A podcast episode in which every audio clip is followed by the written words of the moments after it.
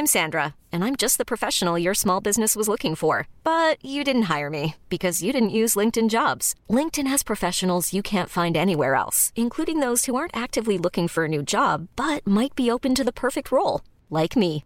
In a given month, over 70% of LinkedIn users don't visit other leading job sites. So if you're not looking on LinkedIn, you'll miss out on great candidates like Sandra. Start hiring professionals like a professional. Post your free job on linkedin.com/achieve slash achieve today. Even on a budget, quality is non-negotiable. That's why Quince is the place to score high-end essentials at 50 to 80% less than similar brands. Get your hands on buttery soft cashmere sweaters from just 60 bucks, Italian leather jackets, and so much more. And the best part about Quince, they exclusively partner with factories committed to safe, ethical, and responsible manufacturing. Elevate your style without the elevated price tag with Quince. Go to quince.com slash upgrade for free shipping and 365-day returns. Many of us have those stubborn pounds that seem impossible to lose, no matter how good we eat or how hard we work out. My solution is PlushCare. PlushCare is a leading telehealth provider with doctors who are there for you day and night to partner with you in your weight loss journey. They can prescribe FDA-approved weight loss medications like Wagovi and Zepbound for those who qualify. Plus, they accept most insurance plans. To get started, visit plushcare.com slash weight loss. That's plushcare.com slash weight loss.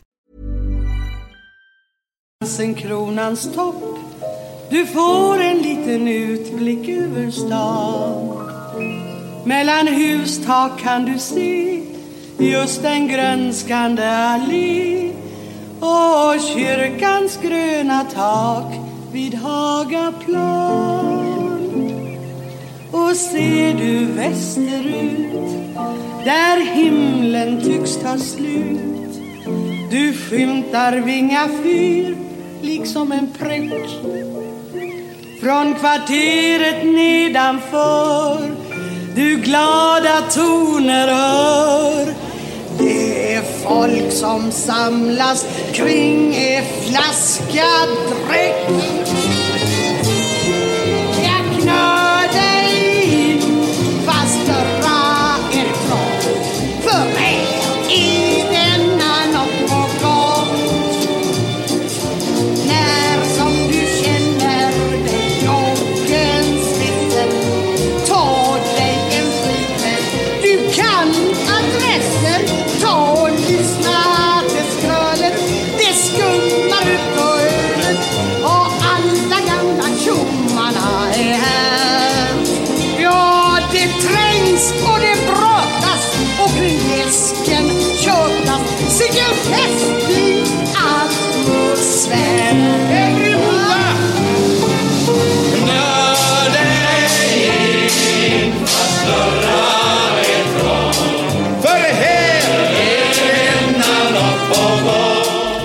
Tjenare, det var Glenn Hysén här. Välkomna till eh, Gött Enna-padden.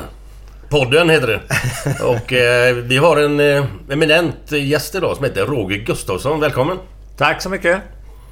Välkommen, välkommen. Eh, innan vi börjar med dig Roger så eh, ska vi tacka lite personer som hjälpt oss till att få igång den här podden. Eh, vi glömmer ju alltid detta Glenn. Ja.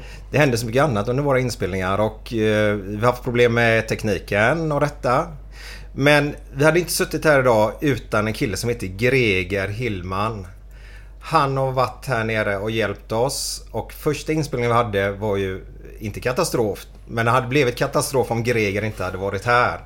För flera gånger så fick vi bryta inspelningen för det var något ramminne eller vad det nu heter som var för litet och dittan och dattan. Så till gången efteråt så hade vi skaffat lite ny, eh, ny data och sånt för att få bättre ramminne då. Men det körde upp sen då. Men då hjälpte Greger oss på telefonen. Det är tur att sådana gubbar finns. Ja.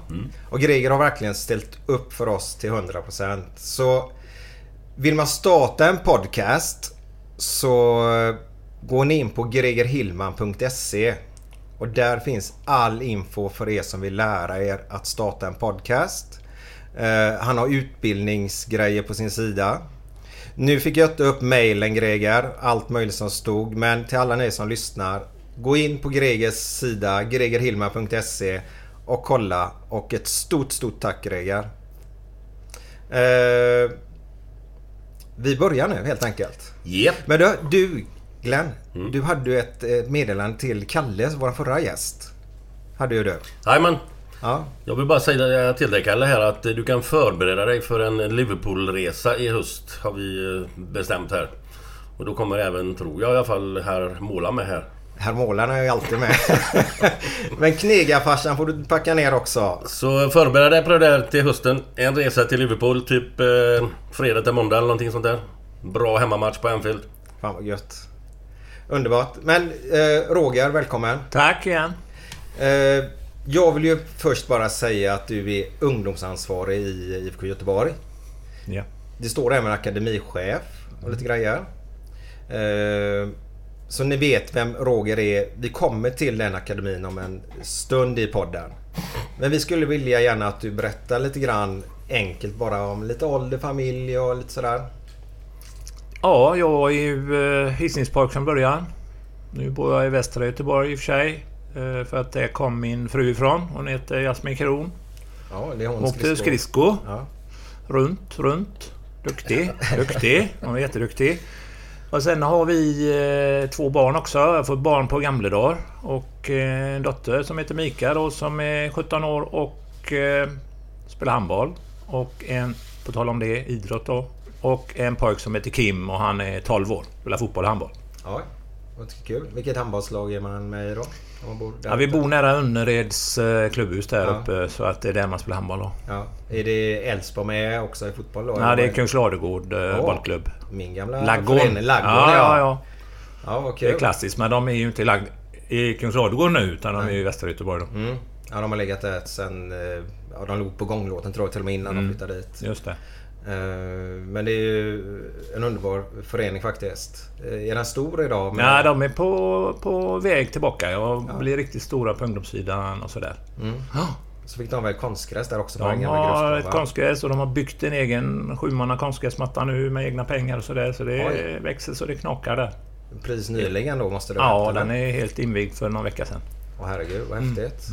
Så de har ju alla förutsättningar här där ute nu då i Frölunda att få träna dygn, eller året om i fall. Absolut. Killarna är ju där på fritiden och spelar på konstgräset och så. Så det är ju jättebra för ungdomarna. är- Ja, det är många klubbar i Västra Göteborg. Det är jättestort idrottsintresse där ute. Både tjejer och killar. De, det är så mycket idrott i Västra Göteborg. Så, så det är många klubbar där som är starka. Okej. Mm. För det känns sådär, man har känslan att det är många klubbar som har försvunnit också. Men de klubbarna som finns kvar blir starkare och starkare känns som då, eller? Ja, de blir ju det. Det är klart, då får ju de ta emot många fler ungdomar då i och för sig. Va? Eftersom det blir färre antal klubbar, men då blir det fler i varje, varje klubb då. Så det är många klubbar där som har jättemånga ungdomar då. Sen slutar de ju tyvärr för tidigt. Det är ju så. De håller på till de är 15-16. Sen är det ju många som sysslar med annat. Är det både pojkar och flickor det gäller? Ja, eller? det, är- ja, det är ju så. Det är Ja. så. Om man inte blir upptäckt, så att säga. Ja. Så då eh, fortsätter man. klart. Ja. Men om man inte blir upptäckt utan... Ja, man tycker lägga mycket tid och så... Ja, det händer inget. Jag kan göra något annat istället. Ja. Många fortsätter ju spela i Korpen eller så vidare va? Mm, det växer ju som spela- knakare här ja, i Göteborg. precis. Ja. Spela med kompisgäng och sådär. Glädjen till fotbollen helt enkelt. Ja. Och En del fortsätter givetvis att spela i lägre divisioner också. Men Mm. en stor del eh, slutar med organiserad fotboll. Vi har väl upp till division 7 här i Göteborg nu va? Jag, Jag vet det. vad vi... På 80 var upp till division 11 tror jag eller något sånt där. 10 Ja, var- vet jag i alla fall. Ja. Fanns det hur mycket lag som helst. Mm. Eh, Men det är... Vad, är det ett problem att de slutar så tidigt tycker du? Eller vad är... Ja, det tror jag. Ja, det är ju problem för dem själva också. Det är ju jättebra att hålla på och idrotta och röra sig och allt vad det innebär. Kamratskap. Men det är också för klubbarna för att eh, man, man, är man kvar i en klubb så kan man hjälpa till lite grann. Man kan hamna i styrelse och man kan stå i kiosken på matcherna och det finns massor man kan göra i en klubb. Så eh, folk, eh, klubbarna har ganska ont om ledare och funktionärer och så. Vilket gör att de i sin tur får lägga ner. Okej. Och det är synd. För hade man fortsatt spela lite längre så kunde man hjälpa till i klubben också samtidigt. Men så är det. Få den riktiga klubbkänslan för klubben Mm, Precis, då. ja. Men har, har du? Jag kom på en, en grej här bara här. Jag kommer ihåg när jag växte upp och var där mellan 10 och 15 och 17 kanske. Då spelade jag i Varta. Och det var, då var det mycket spelare som kom från småklubbar som spelade i pojklandslag, juniorlandslag. Men hur, är, hur ser det ut nu för tiden? Är det, är det mest storklubbarna som har de här talangerna nu eller? Ja, det är ju det. De är ju mindre klubbar till de är 14-15 år. Ja. Som längst. Sen eh, går de till storklubbarna. Så när man är 15-16 år då är de flesta som är med i distriktslag och landslag, de är med i större klubbar då. Mm. På gott och ont. Det, är ju, Jo, det kan man se på olika sätt då. Absolut. Men är det, det är ju inte så att de går dit bara för att gå dit utan det, även ni rycker ju lite eller vad, hur Ja, ser du det på det? blir, ja, så blir det ju. Ja. Det blir ju det så att eh, om man tar en duktig spelare eller värvar en duktig spelare när de är 14-15 det är nästan sent idag. Man, ofta är ju klubbarna ute tidigare och försöker... Ja. Finns, Så- det, finns det något regelverk mot det eller Nej, det man får... inte. Ja, det får man. Men eh, det gäller ju att sköta sig ändå. Varför man ska inte döda klubbarna. Nej. Många klubbar får ju lägga ner om man... eh, Ett lag kanske om man värvar för mycket för tidigt. Va? Det är ju ingen som tjänar på det. Nej, det är det inte. Nej. Vad, vad, vad räknas, eller finns det något speciellt något regelverk eller vad man ska säga? Vad, vad räknas till... Om man säger det här är en egen talang liksom. Han kommer från den här klubben. Finns det någon... Finns det några skrivna liksom... Nej, det, egen fin- talang nej liksom? det finns ju inte utan det bedömer man då. Uefa har ju en syn på det va. Där det är någonting eh, från eh, faktiskt 19 till 21 år som har varit i en akademi. Så att det är ju... Ja, Jaha. det är knappast så mycket egen då, men det är ju en sak. Men sen eh, i Sverige brukar vi räkna att det räcker man varit ett år i en akademi innan man blir 19 år så att säga. Så är man egen Härligt. produkt då. Ja. Så det, ja. Men eh, man kan räkna hur man vill. Men jag tycker det viktiga är att man eh, i alla fall berättar vilken moderklubb spelaren har. ja, jag tänkte Man just det ordet det- moderklubb och egen eh, talang eller Ja, egen. Eh, ja. Det är ju två skilda saker. Ja, ja precis. Om man verkligen säger det. Han kom från Kungsladugårds BK och Mm. då och då och så. Vi kan ta Simon eh, Sandberg heter han va? Som avgjorde nu i cupfinalen. Mm, Med en jävla snygg straff faktiskt.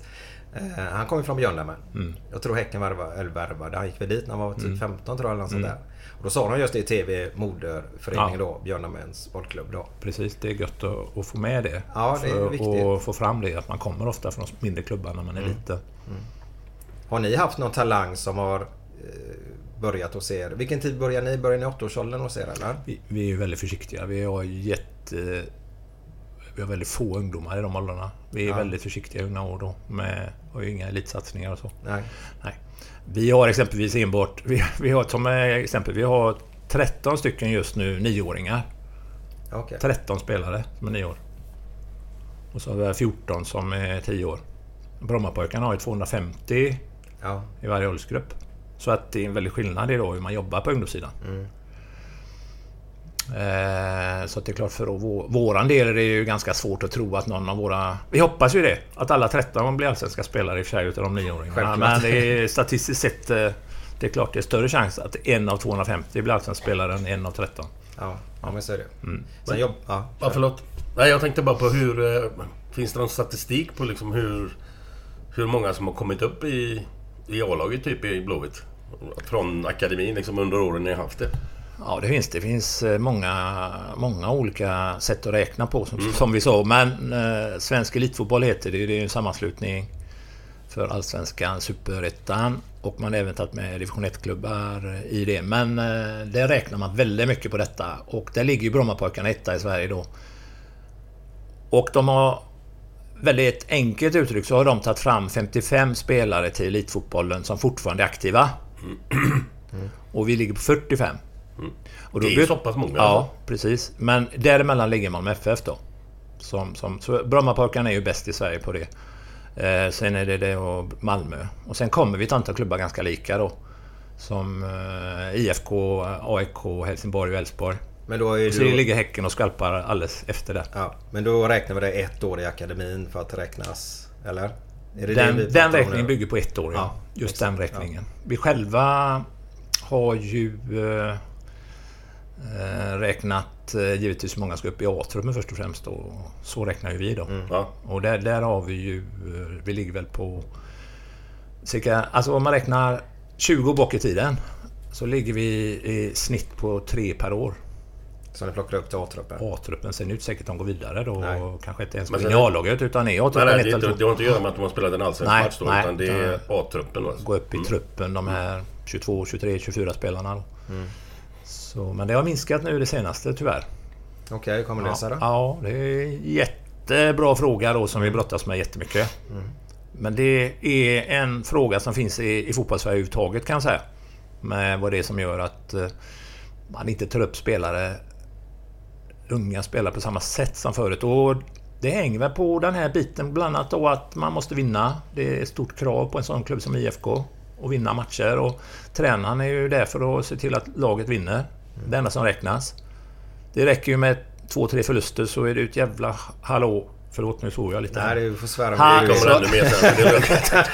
Så är det ett jäkla hallå på att man ska vinna matcherna. Förlorar du tre matcher eh, i rad som A-lagstränare i Allsvenskan, speciellt topplagen då, så ska ju tränaren bort liksom.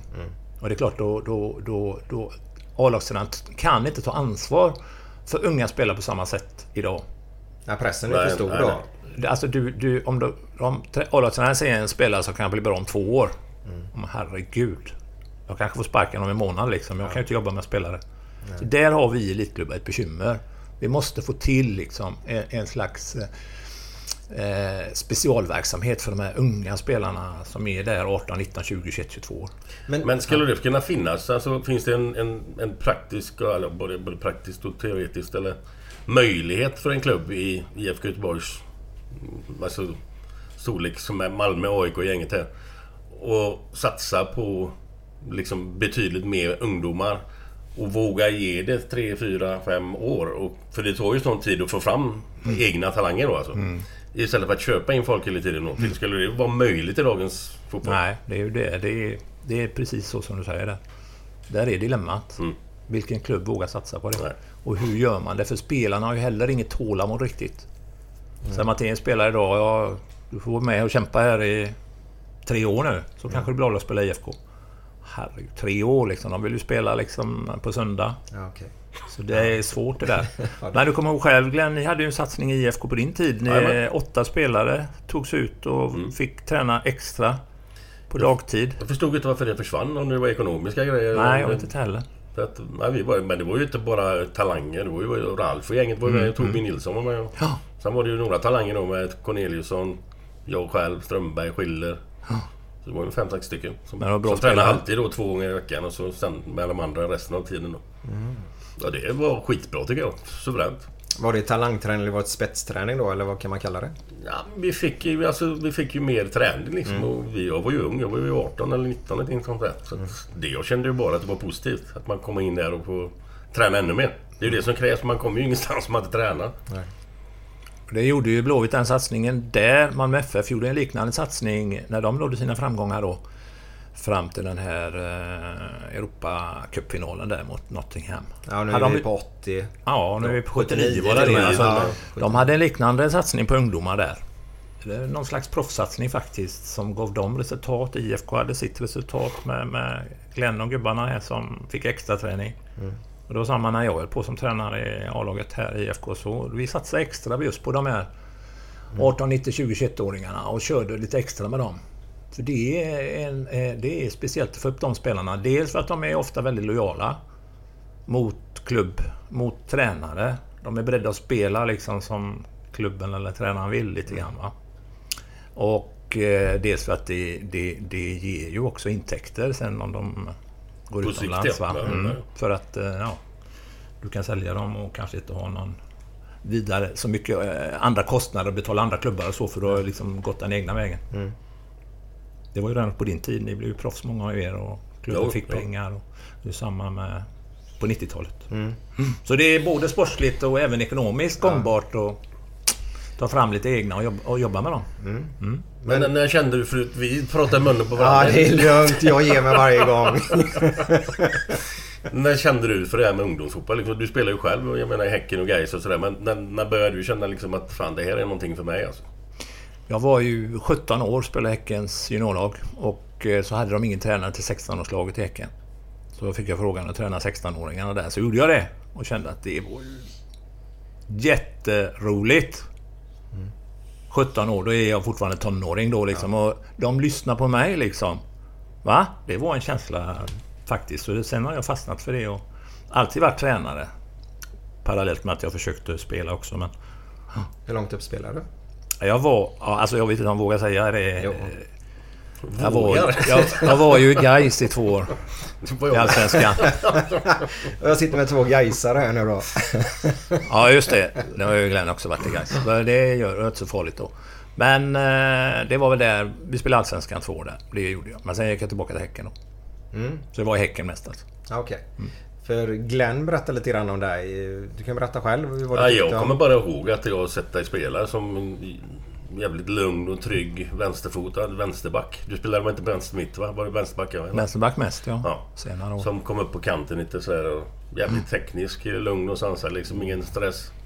Gott att höra! Ja, men det var Ja. faktiskt så. Det är för att du sitter här men jag kommer ihåg de bilderna från, Ja, ja. sen tidigare. Liksom. Det är, Sen vad de andra hittade alla gubbarna där, det har jag inte en aning om. Jag vet Nej. bara att Roger Fridlund spelar väl samtidigt, eller gör han inte det? Roger Fridlund var ju också var tränare äldre. och spelade. Han var också tränare för oss. Och så var det Agne Simonsson som var tränare. Mm, okej. Och han tyckte jag var vänsterback. Mm. Det tyckte inte jag, men sen var det jättekul att spela vänsterback där och komma vad på kanten som du sa. Jo, men som komma på kanten var skoj.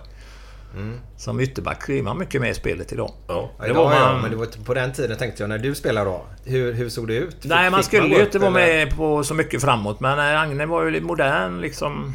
Så. Mm. Eh, tränare. Så han körde fram ytterbackarna i Häcken. Okej. Det är länge sedan. Så att- Mm. Vem hade han var i- före sin tid. Vem hade du framför dig då? I Häcken? Ja, det var en bra fråga. En heter ju Kjell Gullberg, heter ju en uh, vänsterspringare där. Uh, ja, sen kommer jag inte ihåg riktigt, för vi spelade nog 4-3-3 då. Så att, eh, jag hade inte så många framför mig egentligen. Utan det var eh, en motståndarback bara. Ja. Skönt. Ja. Men det var din, om man säger, lite spelarkarriär där. Men sen tränade du pojklaget samtidigt då, eller? De 16-åringarna, om man säger. Hur länge följde Ja. du dem? Och hur fortsatte din tränarkarriär? Hur hamnade du i Blåvitt överhuvudtaget? Varför var du inte kvar i Häcken? Jag tränade i Häcken, sen blev jag anställd på Göteborgs fotbollsförbund eh, eh, typ eh, 78. Så jobbade jag där och sen vann ju IFK Uefa-cupen 82. Och då fick jag faktiskt en fråga eh, att börja i IFK där. Eh, Vem fick du frågan av? eh, det var väl Anders Bergman då. Första skedet, men tackade jag nej första året. Okej. För jag hade vissa uppdrag på Göteborgs fotbollsförbund jag tyckte jag skulle nog fullfölja det då. Men andra året tackade jag ja. Men då hade Svenny stuckit och då var det Gunnar Bengtsson som frågade mig då. Så började IFK då 83 då. Som tränare för vilka? eller? Ja, jag fick ta hand om... eh, Jag fick ta hand om U19 kallades det, eller U-truppen. Men jag fick också ta hand om B-laget. För eh, A-laget i Blåvitt hade blivit så jättebra va. Jo, de var ju det då. Ja, men så var det ganska lite steg då till B-laget. För att eh, A-lagsspelarna, Glenn givetvis, men de flesta vill ju inte åka med till B-lagsmatcherna borta och sådär. Bekväma. Nej, åka till Kalmar med B-laget, det var... Nej men grejen kan Så vara... jag fick... Nej, jag har aldrig... liksom- Nej, du var inte aktuell för B-laget. Nej, ja. men inte för att Men- kaxig utan... Nej, Men jag vet ju många som var Ja. det. Och så Ja. kanske som typ Glenn Schiller exempelvis. Han kunde ju sätta på bänken i, i Kalmar på lördagen. Och inte spela liksom. Och så Ja. åka med B-laget till... ja, Åt helvete någon annanstans på söndag. Det tyckte inte han var så jättekul då liksom. Inte, det var väl den biten som Ja. var mycket så. Nej, så var det. Så var det. Så var det faktiskt. Så att, men jag fick ett uppdrag där liksom att satsa på B-laget då för att eh, det räckte inte att ha ett A-lag. Men det var var jättebra. någon till som var- i B-laget eller? Som tränare? Det var någon som hjälpte dig där eller? Ja, det hade jag väl, men jag kommer inte ihåg riktigt eh, vem det var det. Men... Björkman var inte med eller? Nej, inte då. Ja, han var med i IFK, men han var mer i U19 då, eller U-truppen där. Så... Vi hade någon där, lagledare kanske då. Men det var ju ingen dålig B-lag heller ibland. Där det. Nej. Men var För du en med? del åkte de, ibland åkte de ju med ändå om de inte fått en A-lagsmatch eller varit avstängda eller sånt där. Men var du med sen, tänker jag nu 83, men gå fram till 86, 87 där det började hända lite roligt i, i Europa för Blåvitt. Vad hade du för ansvar? Var du fortfarande B-laget då eller? Vad, Nej, då var det så här, då var det så här att IFK hade ju väldigt lite folk anställt på den tiden. Det var rätt fantastiskt egentligen att vinna Uefa-cupen. För vi hade... Det var två tjejer på halvtid på kansliet. Och så var det Kenneth Dahlén hette han. Då, ja, hade han av pengarna då. Okej. Kamrer kallar man lite fint tror jag. Men, och så var det Anders Bergmar, klubbdirektör. Så det var ju fyra stycken, alltså två halvtid och, och två heltid. Det var allt som var på kansliet. Med, och, och så då ut och vinna Uefa-cupen. Det var helt otroligt. Så, det var det ena då. Men så Anders Bergman kunde ju inte engelska. Okej. Och det var ju rätt mycket samtal eh, där de pratade engelska. Och han tog ju bara luren, de här gamla telefonlurarna. Han bara bakelitlurarna och Ta det, ta det, sa han. Till närmaste person. Och då fick jag jobb att ta det faktiskt. Så jag fick börja jobba på kansliet och då kallade de mig jättefint internationell sekreterare. Sexigt. Och då var IFK mycket ute i Europa och spelade så att eh, varje gång det var lottning då, eh, i Uefa Cup, eh, Europa Cup också var det ju ett antal år där, så ja, då fick jag ta luren så att säga. Då tog jag kontakt med motståndarna direkt där och gjorde upp allting då med matcherna och hemma borta och tider och träningar och hotell och sådär. Och reste med A-laget överallt då. Men du kände väl att det var okej? Eller du gjorde det inte för att du var tvungen? Nej, det var Liksom att jävligt... Du kände att fan, det här är skitkul? Ja, Ja. Nej, det var fantastiskt eh, där. Och så fick jag vara med då hela vägen fram till 87. De vann där också då. Mm. Var vid sidan där. Var du med nere i Barcelona också 86 där? Ja, eller? då. ja. Jag gick fram till Gunde Bengtsson så sa jag du får, du får välja straffläggare nu. Det kanske blir straffar, sa jag. Så det är aggressivt också? Ja, och man fick ropa det för det var hög eh, ljud. Eh, mycket ljud på läktaren. Så ja, i alla fall. Ja, han skrev en liten lapp med straffläggare. Det var ju spännande. Det var strafftävlingen där, du vet. Det hände ju rätt mycket jag vet, jag Ja. kan den. Vad blev, blev det de som han skrev på lappen då? Blev det? Ja, det blev ju inte det. Nej. Vad fan är Torbjörn? Så jag fick ju springa ner i omklädningsrummet där. Det är ju katakomber eh, där då. Och satt han där i omklädningsrummet. Torbjörn. Det är helt Var han helt knäckt då eller? Nej, men han sa det att det är fel att jag ska lägga straffspark. Att han var ju sån, han tog ju väldigt mycket ansvar. Han kände ansvar liksom. Så det var ju inte det att han var feg. Det var ju inte tvärtom. Att han tog ansvar för laget. Jag är kass på straffar. Ja, han så jag det ska, jag ska inte ta någon. Och är jag där uppe så kommer de och säga till mig att ta. Jag vill inte det. Så därför sprang han. Okej. Mm. Men det är ju... Om man ska egentligen hårdra så är det ju ganska bra ansvar. Jag tycker det var tvärtom där. För då var det varför att det tog han. Va? Men han, han... Jag tror säkert han hade missat för att han var... Men tror du... var han tyckte själv att han var straffläggare. Tycker man inte det, då är det svårt att sätta en straff. Så i 100 sådana- 000 på läktaren då. Ja. Men var det du som sa till honom då där nere i omklädningsrummet? Nej, jag letade Men- efter men honom. tänk, Jo men alltså, tänk om det går så långt att alla måste ta en straff. Om, alla, om det Ja. är så jämnt Ja, menar jag. Så att du är ju tvungen att ta en Ja, straff. precis. Så du får ju fan komma med upp. Jag har Ja. bara hört den här historien. Men Ja. vem det var som sa det vet jag inte. Var det du då eller? Nej, jag bara sprang ner och letade efter honom. Han satt ju där, men han ville inte ta den. Men han var ju tvungen att komma upp. Ja, Ja. och han kom ju upp. Men jag vet inte vad En han... sån lirare alltså. Ja. Man kan inte förstå riktigt hur det är möjligt. Nej. Och hade han missat en straff så har ingen jävel sagt någonting. Nej. Nej, han var ju ändå gudaförklarad så att säga. Ja, Men det är klart det är extra känsligt för han att missa på ett sätt. Tycker han Jo, själv jo, eftersom jo. alla förväntar sig att han ska sätta den. Ja. Det är ofta så. Sen hade de Jerry Karlsson på bänken när Tord blev skadad. Och han Jerry han skiter ju i vilket om han hade missat en straff. Ja, det, går väl bra, det är inga problem. Men han kom ju inte in. Då Nej. kom in Mort istället tror jag. Mort missar jag. Så han missade en. Och bytte väl ut Tord va? Eller något. Ja, han blev skadad Det i lite- tror jag. han blev skadad. Det blev lite kött om det, Och då verkligen. tänkte jag att då kommer Jerry in då. Med tanke på straffar och så. Ja. Men det blev inte så. Nej, men det var det. Jag vet inte riktigt uh, där. Det, det var ju... det var alltså det... Jag vet inte om jag ska uttrycka det men... Man, man vill ju inte ha straffar egentligen utan det var ju offensivt tänkande att vi ska liksom...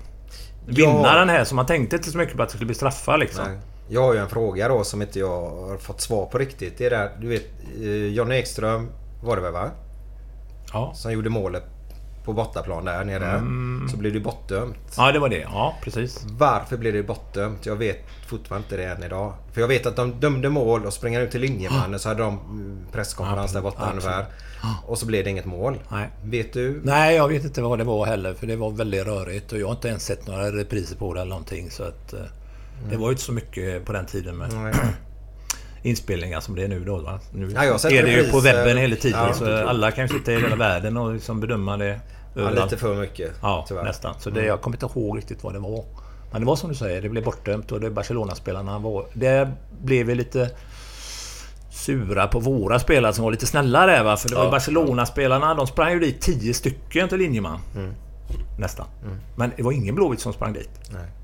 Men det var kanske det att man räknade att det var mål och man kramade Johnny och sådär va. Men... eh, Ja, de var lite fräckare där, Barcelona. Men ja, de var ju eh, väldigt nervösa, Barcelona, inför den här matchen. Okej. Ja, det var, det var ju, det var ju förlora mot eh, brandmän och banktjänstemän. Och, det var ju varit i tidningarna där nere. Ja. ja. Det var så nära. Det var synd. Ja, det... Men det är suveränt kul att höra faktiskt. Jättekul att höra detta. Eh, Men du fortsatte ju sen efter det. För 1990 blev du ju huvudansvarig för, som tränare för IFK Göteborgs A-lag då. Eh, Men vad gjorde du 89? Vad- Hur kom det sig att du fick frågan? Eh, Kan du berätta lite? Ja, det var ju eh, konstigt egentligen för att det var ju väldigt mycket spekulationer. Vad Blåvitt skulle ha för tränare. Det hade inte gått lika bra 88-89. Vi hade också lite fått tappat, eller blivit av med en del pengar så att säga. Va? Satsat men inte lyckats riktigt. Och det skulle en ny tränare. Och det var ju spekulationer på den ena efter den andra. Och många engelska namn cirkulerade. Skulle en engelsk tränare liksom då. Vilka? Har du något? Jag kommer inte ihåg de namnen men det var... Så jag blev rätt överraskad när han frågade mig då. Men det var tydligen eh, eh, spelare som hade föreslagit mig. Okej. Roland Nilsson bland annat. De som var lagkaptener då, eller med i spelarrådet. Faktiskt. Och det var väl delvis för att det var en del eh, utrustspelare som gått upp i A-truppen då. Från våran grupp där. Som du hade haft tidigare då? Som haft tidigare då, så det var väl det också då som gjorde att, ja fan det är lika bra du går med också då. då. Ja, de var duktiga om jag har förstått det rätt eller? Ja. Juniorerna på den tiden? Ja, absolut. De var duktiga. Det var ju, det var ju fyra, fem i A-laget. Som kom då från juniorlaget då. Mm. Men sen... eh, Ja. Det var ju... Det blev ju lite fiasko då när jag blev vald till tränare för att eh, tidningarna kan ju inte acceptera riktigt. Nej, de kunde inte det. Nej, det var ju... Var det för att du var... Det är inget namn alltså? Nej, det var ju inget namn. Det var ju rena pannkakan, när man säger. Så, så jag vet, speciellt Göteborgs-Posten var ju väldigt pigga på att det här går ju åt fanders va. Det måste ju varit förbannat gött då när det bara visar Ja, ja precis. måste ju haft... Ja, precis. Jo, jo. Och jag kände ju de flesta spelarna. För jag hade ju varit med som sagt var internationellt och jobbat med laget på resor och kände ju dem så. Och hjälpt till lite med A-truppen också ibland med skadade spelare, lite fotbollsträning vid sidan av. Plus juniorerna, så jag kände ju spelarna så. Men din första match i, som gällde någonting gick väl sådär eller? Det gick inte bra. Och det var ju... Thomas Brolin gjorde ju tre mål bland annat. Ja. Och han hade vi försökt värva till vårt juniorlag ett par år innan. Hade ni? Ja. Och jag kommer ihåg så väl att det var ju då som höll på att värva då. Så jag ringde då Thomas Brolin och hans familj. Ja, ska du flytta hit till Göteborg? Ja, kanske. Så, där. så pratade man med Anders Grönhagen som var tränare där i Sundsvall då. Och eh, jag pratade med honom och så var vi överens, överens. Vi var två snälla killar, Anders Grönhagen och jag. Så vi var överens om att vi, ja, det är kanske bättre att han är kvar där uppe. För Han gick på fotbollsgymnasiet där och Anders Grönhagen var tränare för honom på fotbollsgymnasiet och i, i, i klubben. Så att han har det väldigt bra här uppe så att det är bättre att vänta lite. Ja, ja, sa jag då. Okej. Det var ju synd. Ja, för sen eh, Så gick han direkt dit. så gick han till Norrköping sen istället och så gjorde han tre mål mot oss och förlorade med 6-0. Första matchen? Hur känner man sig då? Nej, det var ju... Jag vet inte. Det var väldigt vad det gick. De var väldigt bra på kanterna. Det, vi kom helt fel i pressen på kanterna. Vi har ju tränat på att pressa ganska hårt. Va? Högt upp. Men vi kom fel då i första matchen där. Så det blev helt galet och det jag vet inte. Vad kommer inte skrev ihåg. GP då? Nej, Ja, det var ju vad de... Det var ju det vi sa och sådär. Och jag vet, det var en del i Det var korridoren. det vi sa, alltså GP. Ja, det var ju då en del också där. Det är klart i korridoren efter matcherna där då ni åker ut i år och sådär. Okej. Men match två då, hur gick den? Jo, men då tränar vi som tusan på den här pressen hela veckan då. Så vi får rätt på... Det hade ju gått ganska bra i träningsmatcherna så vi var inte oroliga så men... Få rätt press på kanterna där så mötte vi AIK hemma. Då vann vi ju med 5-0 tror jag. Stämmer ja. Hemma. Mm. Och då vände det ju. Mm. Så det var ju bra. Eller tur. Hur kände du dig efter den matchen? Nej, det var ju bra för att vi hade ju... Vi, hade, vi visste ju att vi hade ett bra lag så att det, vi var ju inte jätteoroliga. Men det är klart eh, en tränare som inte var sådär... Jag hade ju aldrig tränat ett seniorlag Nej. innan. Så att det är klart oprövat. Var det Holm som var med då?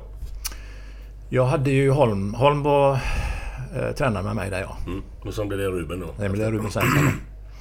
Nej, jag tänkte bara, om man går tillbaka lite grann. Jag snackade om Eilert Björkman förut. Han är ju också en sån här institution i, Ja. i Blåvitts eh, ungdomsverksamhet. Han måste du ha jobbat mycket ihop med eller? Absolut. Dels i ungdomstruppen då. Eh, jag var ju huvudansvarig för den U19 där, men så fick jag ju vara med i A-laget väldigt mycket då som sagt var. och Åka runt på internationella matcher och sådär. Så han hade ju mycket ansvar då för U19 och sådär. Eh, och laget också. Laget var ju väldigt duktigt. vann junior-SM där många år. Och så där. Han höll i själva laget då, så jag var med tränare. Han var med matchcoach på matcherna då som U19 hade. Plus att han åkte runt och analyserade alla våra motståndarlag. När jag sen blev tränare. eh, ute i Europa. Och det var ju det var ju innan videons tid lite grann, så det var ju inte så jättemycket. Idag har man ju allting på... Men eh, så han antecknade så noga, så vi visste ju precis allt om motståndaren.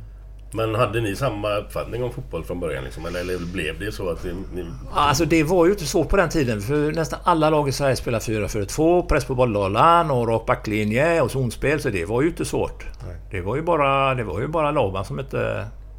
Fattar det. Exakt. Nej, nej, men han ville hålla kvar med gamla österspelet där. Men, men annars så, alla var ju inkörda på det. Och det var ju Eilert och jag också. Det var inget snack i Blåvitt. Då är spelar vi.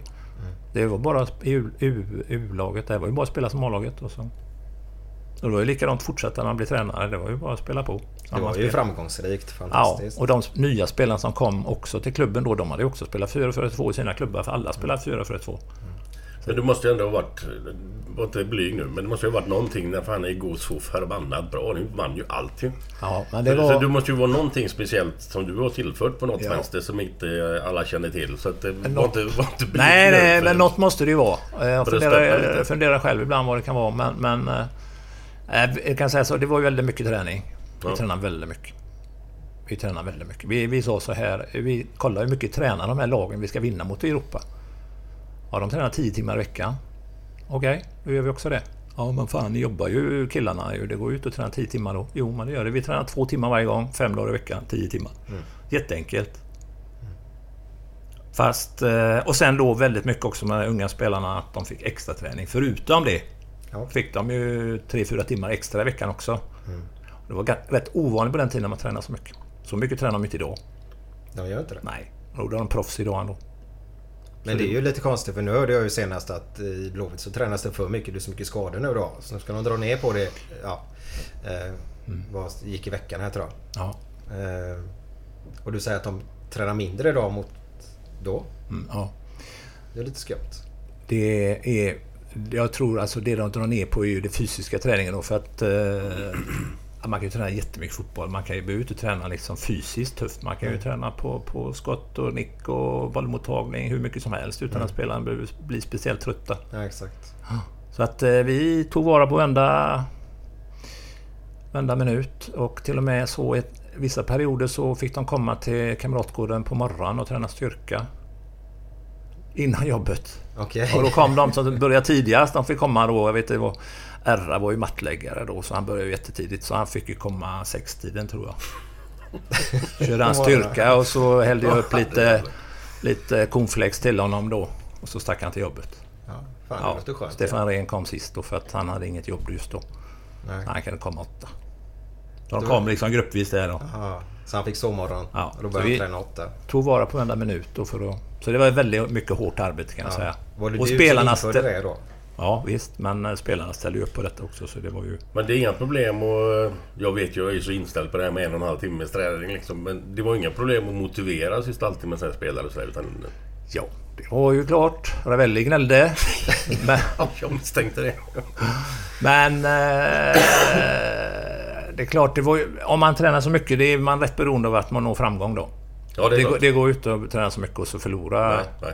Alla matcherna. Utan man får ju vinna då. Så att det var ju klart man var ju lite spänd då på att det skulle gå bra också. Men när killarna såg att det blev bra och många av dem blev landslagsspelare och, och ja, en del var ju landslagsspelare men det är klart, spelar du bra lag så får du större chans att komma i landslag också. Det märkte ju killarna. Va?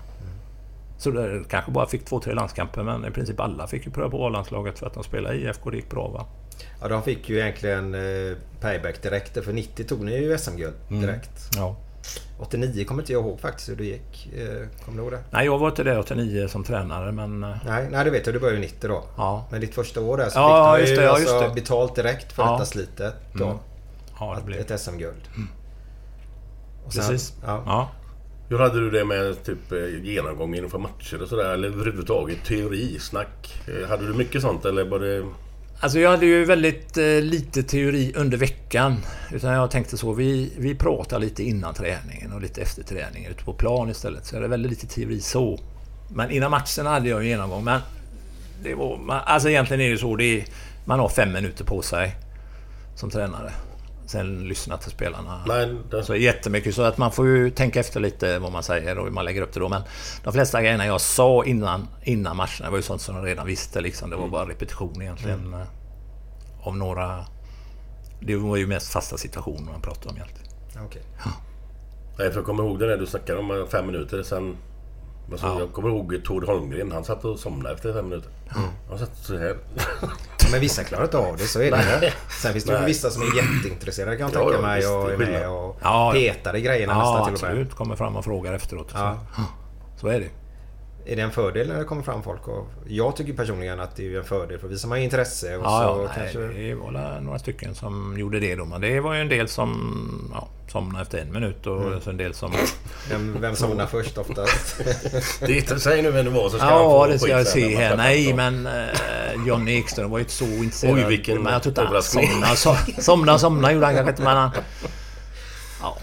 Ja, han visste vad han skulle göra i Han färjan ju också. bara göra överstegan och slå Ja, bollen snabbt och Ja, springa ju. precis. Så Exakt. han borde inte tänka på annat än det. Nej, men det är olika spelare så, som... En del spelare instruerar man inte så mycket. Liksom. Jocke Björklund kommer jag ihåg. Jag, jag tror inte jag gav honom en enda instruktion. Det var så. Ja, han spelade sitt spel och han gjorde det så jä- jättebra så det var... Han var riktigt duktig på Det var inget att säga. Det var bara att Ja, men det, det tog väl en- ett tag innan han insåg att han bara skulle bryta och springa ifatt Ja. folk. Han ska ju inte börja briljera med Nej, bollen. nej, liksom. nej, Innan det var det inte sådär jättegrymt. Nej. Men när han bara fick in det skallen. Ja. Gör det du är bra på. Så Ja. var han ju klockren. Och lämna över bollen till någon annan som Ja, låt de andra sköta det som kan det. Man ska göra det man är bra Ja, på. exakt. Ja. exakt. Men det var hans pappa, Kalle Björklund. Han tränade ju honom extra på passningar. Ja, Okej. Ja, ja, så jag tänkte det är ingen idé vi gör här i Blåvitt. Då kan man säga Kalle det- Björklund var ingen bra tränare. Nej, men jag tänkte det, det räcker. Han får ju extra träning med passningar. För annars kan man ju tänka att han ska träna passningar. Men det skötte Kalle. Så det var bara bra. Och Kalle var ju tränare i Örgryte va?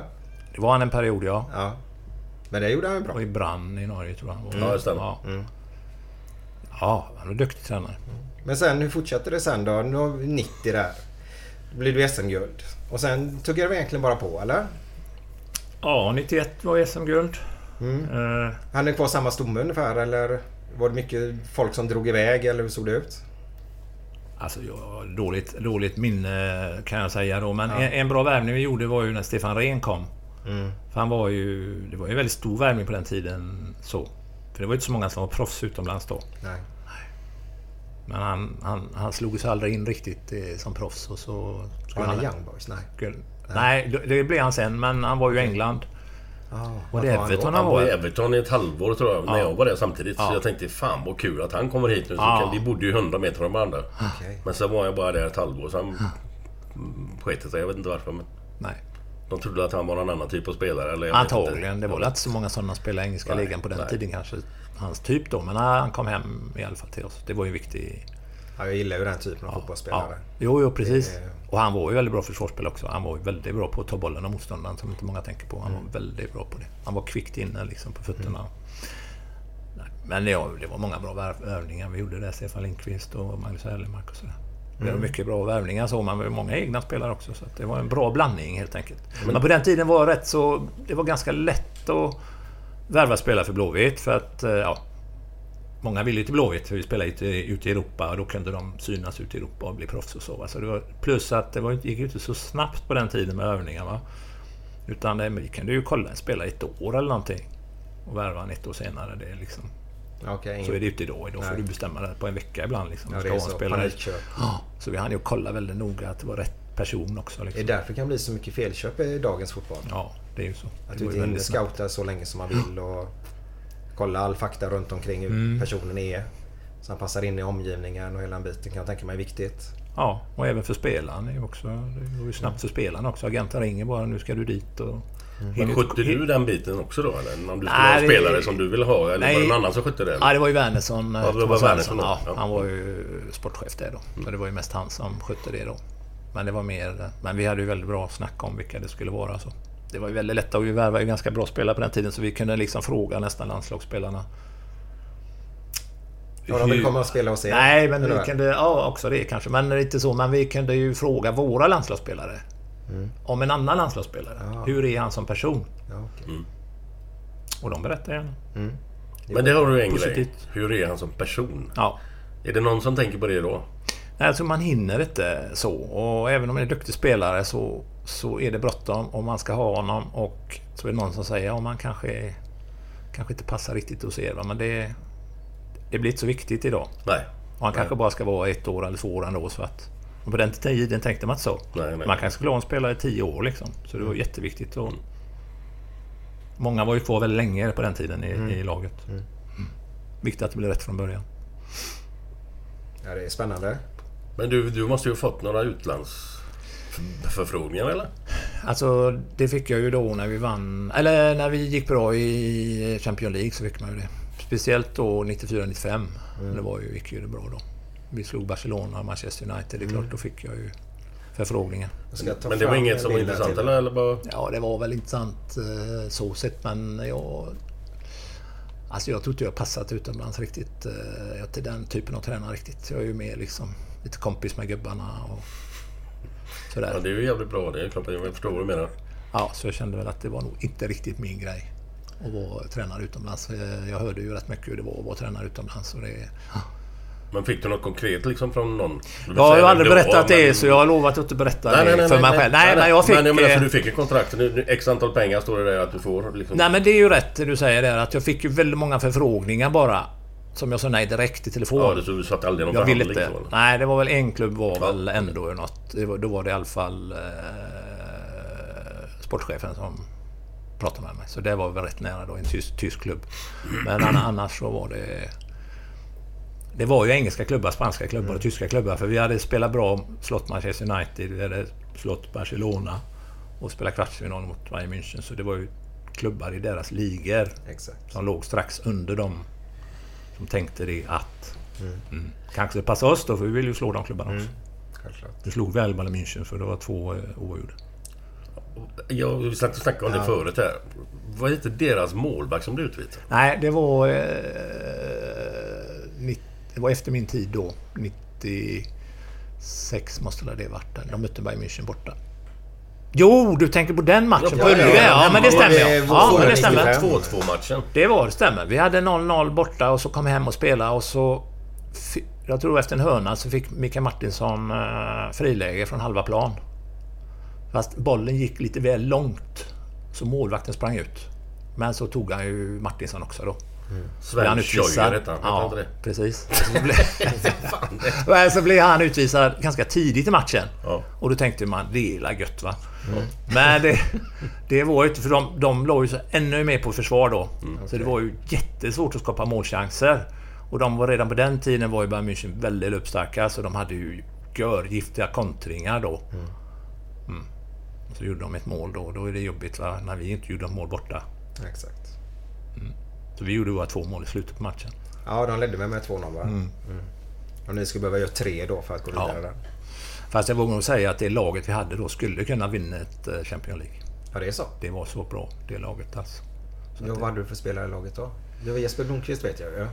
Ja, det var ju eh, Ravelli, Pontus Kåmark, eh, Jonas Olsson, Jocke Björklund, eh, Mikael Nilsson. Alltså det var ju Europas snabbaste backlinje.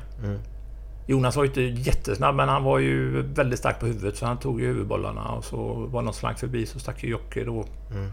Tog ju alla. Eh, Det var ingen som sprang förbi. Vi kunde hålla backlinjen jättehögt uppe. Det var ingen som sprang ifrån honom.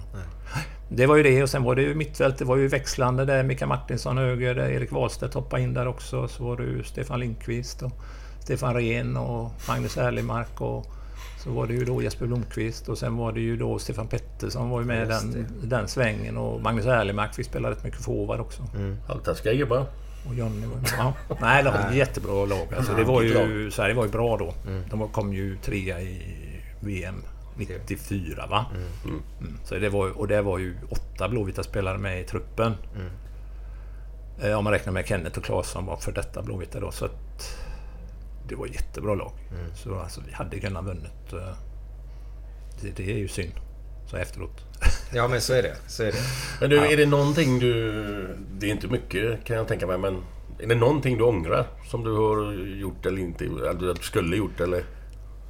Ja, det, jag ångrar det då lite grann där mot Bayern München för att eh, vi, eh, vi tränar väldigt hårt som sagt var. Jag tror vi tränar lite för hårt för länge.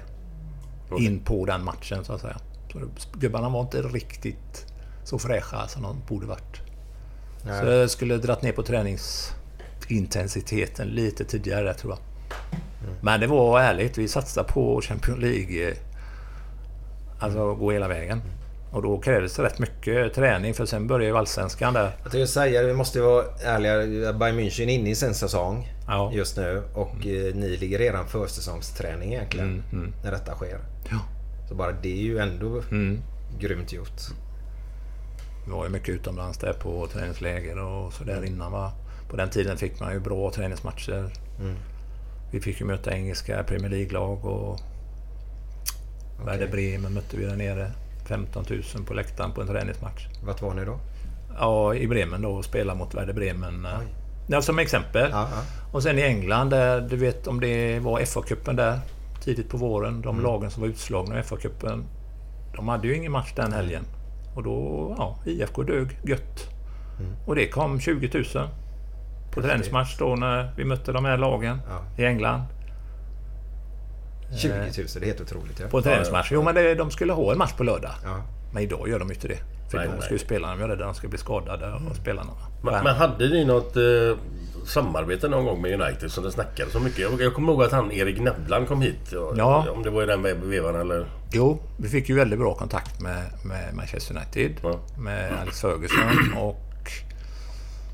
Han hette nu presidenten på den tiden i klubben. Och, Martin Edwards eller? ja, det var nog jag. Och det hade ju Gunnar Larsson mycket bra kontakt med, med honom också där. Så vi skrev ett avtal faktiskt. Det finns kvar idag. Så egentligen gäller det fortfarande. Okej. Nej, det var, det var, det var egentligen med A-lagsspelare. Var det, egentligen. det var det att vi skulle kunna låna in eh, sådana spelare som inte platsar i United. Okej, Eh, och använda er av i Allsvenskan och sånt då? Mm, precis. Det, var, det var det ena. Sen var det en annan bit i det också. Det var att vi skulle liksom... Om de hittar någon bra spelare i Norden så skulle de kunna sätta den spelaren i IFK. Ja. Okej. Och de skulle betala. Det var ju bra på ett bra. sätt. Ja. Men det blev alldeles mycket av Nej, det blev, det blev eh, Erik Nevland bara. Eller bara bara, men det blev ju han. Men vi ska fortsätta. Vi måste ha lite fredagskänsla nu Glenn. Ja, ja absolut. Ja. Det är... Ja, vi kör på bara.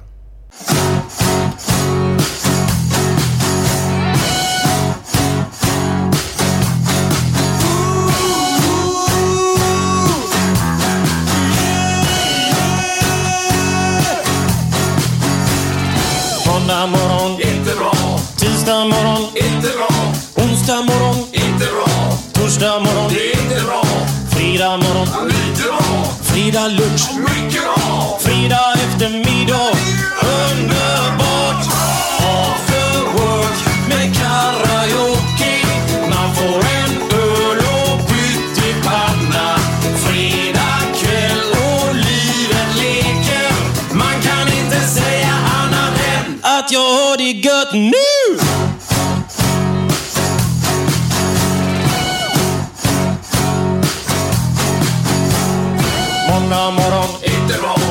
Tisdag morgon, inte bra. Onsdag morgon, inte bra. Torsdag morgon, inte bra. Fredag morgon, lite bra.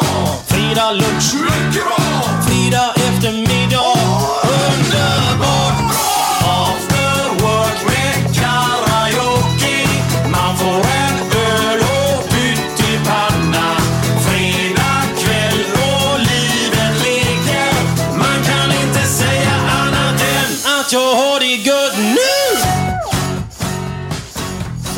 Det var Björn Rosenström då med After Work. Och de sjöng ju där i eh, Pyttipanna.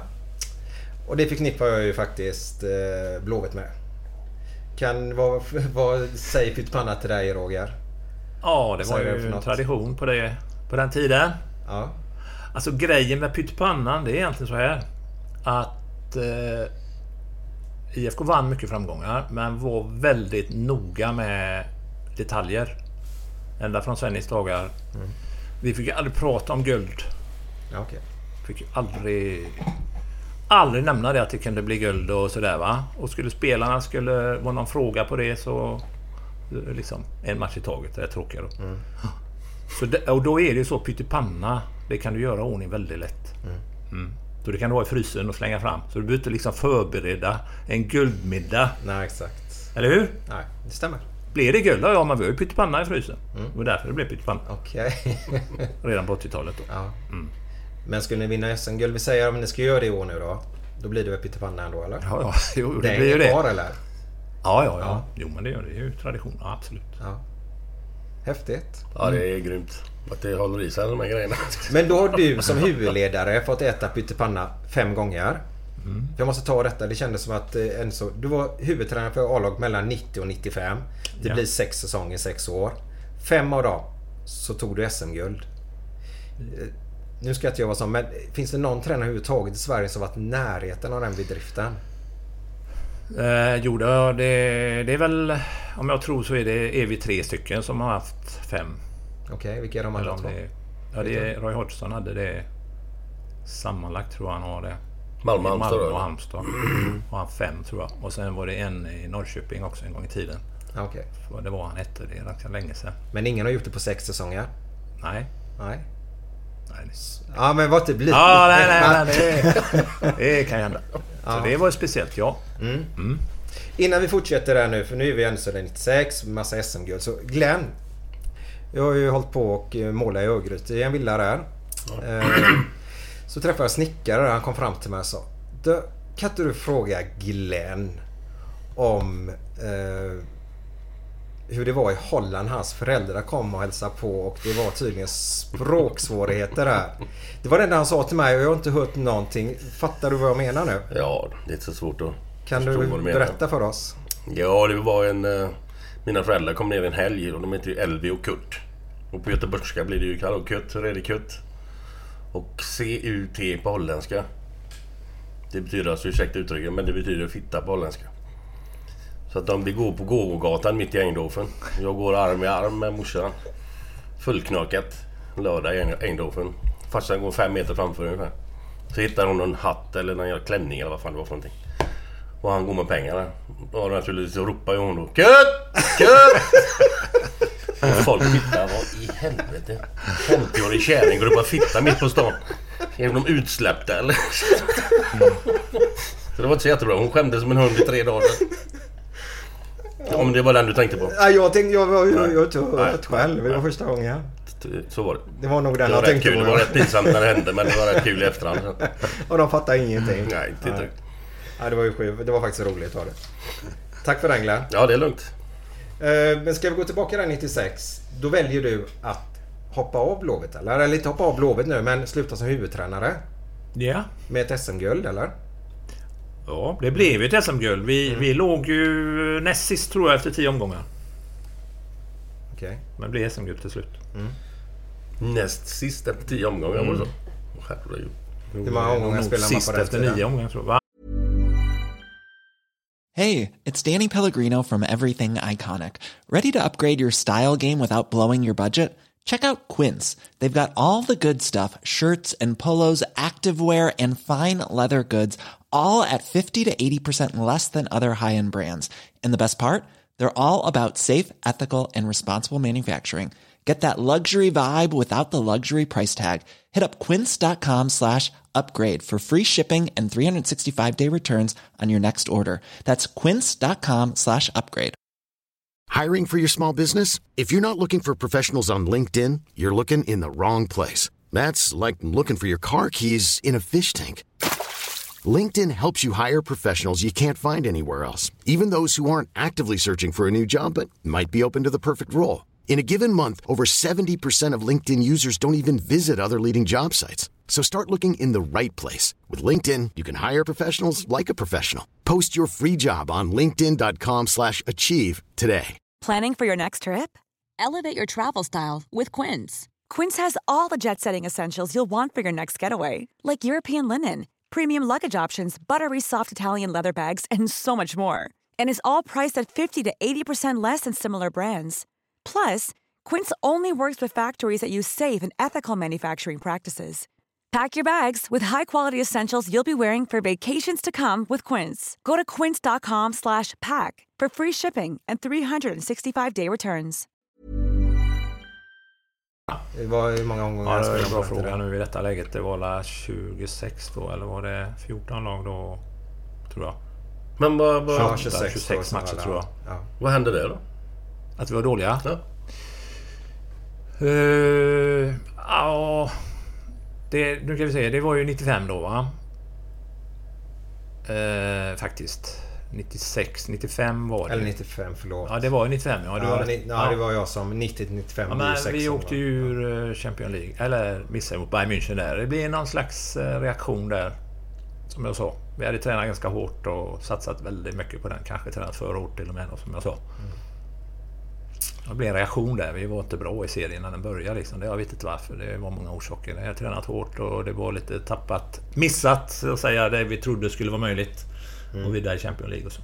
Det var inte snack om att man kanske tog det för enkelt. Att du, nej, det löser vi ändå. Ja, jo, det var ju mycket snack, men jag tror inte det var det på spelarna. Nej, nej, nej. det var en slags, os- ja, konstigt nog, en slags osäkerhetsbresa i laget sådär. Mm. Men, ja. Ja, men var det lite tufft? Jag kan tänka mig, man kommer ut som ni så hade de framgångarna där på 90-talet och så kommer ni då säsong 95 då. Så är det ju egentligen en seriefinal för alla lagen ni möter på bortaplan.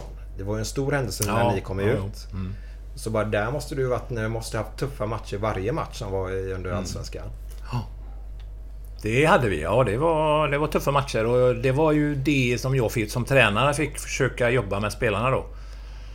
Eh, och det var hur, hur ska man göra det då? Hur ska man liksom få spelarna att tända till inför varje match då? När de samtidigt spelar då både i landslag och... Nej, jag brukade, jag brukade försöka hitta något att reta dem. Det sista innan vi gick ut. Så jag brukade, kunde hitta något i tidningen eller något som någon tränare hade sagt. Tränaren hade sagt eller någon spelare som sagt något. Kan det vara något som stod i programbladet till och med? Så, försökte jag, så läste jag upp det för dem. Eller så var det något annat. Jag försökte ret, få, dem, få den här sista tändningen genom att reta dem lite. Det, det gick ju bra. Det gick bra. För det mesta. För det mesta ja. De blev förbannade. En, en fråga bara. Den här Weberöd-matchen. Ja. Var du tränare då? Ja. Vad hände där? Var det ren och skär underskattning bara? No, jag vet inte om det var det. Jag vet inte riktigt. Fasen, vad blev det? 4-3 eller? Vi Jag kommer inte förlorade ihåg med- vad det Nej, var, men men- nej, Är det men- Svenska cupen vi pratar Ja, om? Ja, just det. Kommer inte ihåg riktigt eh, så. Men vi, vi var inte riktigt, ett vi var inte riktigt eh, tända, det var vi inte. Det kan jag säga. Vi var inte riktigt tända. Det stämmer ju.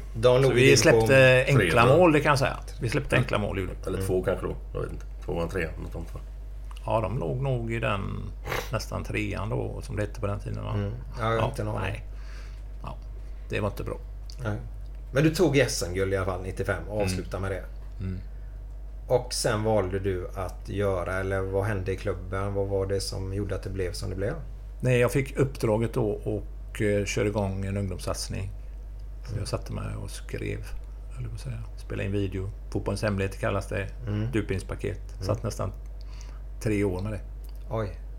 Och bara jobba med det. Får, ta, ja, får tacka klubben för att de ställde upp på det då. Och det blev 10 videofilmer till Det slut? blev eller? 10 videofilmer. 16 timmar speltid. Mm. Totalt. Det blev två böcker. Mm. Den största boken, 450 sidor. Nu ska jag berätta något jag skäms över. Även Glenn. Nej, vi skäms inte över det. Men Skäms över vadå? vi, vi har inte sett filmerna. Nej, har Nej, nej, Så nej, nej, du får förklara. Vad, vad är det för i filmerna? Är det massa pilar och grejer Nej, eller? nej hur men, funkar det? eh, jo, men vi... Alltså framförallt var det så att vi tänkte på svensk ungdomsfotboll. Hur är det? Jo, man går en kurs. Vilka är vi? Förlåt, Nej, fråga. svensk ungdomsfotboll överhuvudtaget. Nej, vi, det var väl... du eh, det var, väl- nej, det vad var var väl det jag liksom? mest... eh, Det var jag mest som tänkte på det, Ja, för att ja. jag hade jobbat mycket med... Som sagt var utbildning. Mm. Göteborgs fotbollsförbund och så utbilda U19. Jag var ju väldigt den typen av tränare som jag Mm. jobbade mycket med. Som jag sa. Utbilda spelarna, eller träna spelarna så att de blir bättre. Men eh, just att det kan vara föräldratränare och så, och så går de i kurs. Och, men att det fastnar inte riktigt kurserna. Liksom det ser likadant ut innan kursen på träningen som efter. Så att vi fan vi gör något annat. Vi spelar in på video istället. Hur man skjuter, hur man nickar. Så vi samlade ihop... Eh, vi fick faktiskt eh, tillgång till de här Champions League-matcherna då. Och det var rätt besvärligt på den tiden att få till det för det var ju massa rättigheter och ja, Okej. Glens eh, firma där, TV3. höll, höll, i, höll i filmerna. Men det var ett bolag i Schweiz vi fick kontakta som hade hand om det här. Och För att få loss det då helt Ja. enkelt. Ja. Eh, Och då fick vi lova att det inte skulle vara en business utan det skulle vara ungdomsutbildning. Fick vi loss filmerna men vi fick inte använda... eh, Vi fick inte liksom visa Barcelona då. Nej. Alltså, de var ju med på filmen men vi fick visa våra spelare när de gör mål då. Så vi inte skulle bli stämda av eh, någon spelare i Barcelona. Ja, det visste vi inte om vi skulle bli stämda men... Vi fick ju inte visa liksom. Vi fick inte filma in så. Titta här hur Romario Nej. rullar in bollen enkelt vid stolpen eller något. Utan vi visar våra spelare.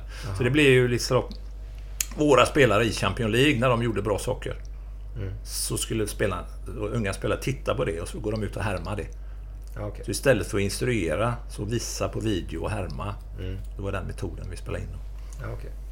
Bygger hela alla tio på detta om man säger. Mm. Just Ja, att härma mycket. I princip eh, det några filmer om ledarskap och, och ett band till trä, spelarna också. Hur de kan tänka och träna själva och sådär. Mm.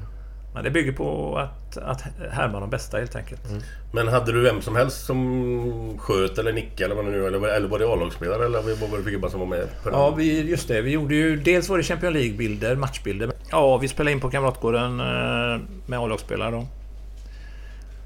Olika moment och vi valde då spelare som var bra på vissa saker då. Eh, Niklas Alexandersson, han gjorde inläggsfint och... Och slog väldigt bra inlägg exempelvis. Han hade bra volleyskott, fick han göra det då. Eh, så vi valde ut spelare som var bra på olika moment. Mm. Så skulle det vara Ravelli i mål då, men ah, hans teknik är annorlunda. Så vi fick använda Sören Järlöv mer. Ja, men det kan jag förstå. Sören var ju en bra Men så är, ja, men så är, han har väldigt bra teknik Sören Järlöv. Ja. Så det var, men det är ju så. Eh, målvakter är ju så. De har ju olika teknik. Så. Mm. Ja, sen vill man att det ska vara en rätt teknik, men det finns ju inte. Men det blir Sören Järlöv mest. Det blir Ravelli på några. Som exempel menar jag. Så att man valde ut spelare som var bra på vissa saker. Vad, hur tog Ravelli det då? Nej, han var bara glad. Han slapp eh, vara med. Så det Är han en lat jäkel alltså? Nej, nej, han är, nej, låt och låt. Jag vet inte. Nej, det ska jag inte säga att han är. Han, är nog den, han var nog den mest ambitiösa fotbollsspelaren vi hade. Okej. Han, det fanns ingen som var så noga med allting. Innan Han match ville ju vara två och... timmar i omklädningsrummet innan match. Jaha. Och det gick ju inte. Nej, inte Det han. var ju Stefan Rehn och Stefan Lindqvist. De ville ju spela kort till ända till avspark. Okej. Så att det gick inte att få ihop det riktigt. Men vi bestämde en timme och en kvart då. Okej. Det var okej för Ravelli. Men det är ganska intressant att man har olika typer av uppladdning. Alltså allting, alltså alla faller ju inte under en ram utan Nej. där som ledare kan man tänka mig att du måste förstå varje individ för att han ska må Mm. så bra som möjligt och kunna prestera på planen. Ja, precis. Och då behöver man ju olika typer av uppladdning. Mm. Och vad är rätt och fel? Det måste ju individen bestämma till en viss del. Absolut. Rätt och fel är ju om du vinner matchen liksom. Det Mm. finns ju inget annat facit på den nivån. Nej. Och du vill ju ha dem så bra som möjligt på planen. Vi hade ju Ravelli, han skulle ju också gå sist ut ur omklädningsrummet. Så då värvade vi Pontus Kåmark och han skulle också gå sist ut. Gick de hand i hand då eller? Nej, som tur var de flesta eh, allsvenska arenorna har man två omklädningsrum. Ja. Även på Ullevi var det så. Både på gamla och nya. Så man, de gick ut i varsitt omklädningsrum sist. Jaha, de skulle in på, in på planen var Nej, det var ut, från, ja. aha, Det var att lösa det mesta. Fan vad häftigt. Man får tänka. Spelade Andreas och Thomas ihop någonting i blodet? Ja, det gjorde de. Men jag var inte där då. Var? Då hade Andreas slutat när... Han var nog där 78, 79. Eller 88, 89. Har du haft någon, någon, någon förebild som tränar, tränarförebild eller något lag som har... Nej, alltså jag hade egentligen Agne Simonsson och Roger Fridlund för de hade en jätte... De kompletterade varandra som tränade väldigt bra då. Agne med sin taktik. Så. Kunskap och förbereddes väldigt noga för varje match. Och så Roger då med jättebra övningar då. De var matchlika så. Mm. Det var de tillsammans på något sätt som var min förebild. Men vi har ju en, en fråga till dig som vi, vi skulle... En förberedd fråga. Vi har ju inga förberedda frågor här egentligen. Nej. Men vi har en förberedd fråga idag. Eh, det är en kille, 15 år, bor i Mariestad säger vi. Mm. Ni vill ha honom hit till Blåvitt. Hur funkar det och hur jobbar ni? Varsågod. Ja, vi gör ju så här då att eh, man har alltid kontakt med spelarens klubb först. Det är ju det viktigaste. Då. Så de är med på det. här. Sen är det ju familjen och spelaren då. Och så är det ju... Eh, för det första tycker vi då att han...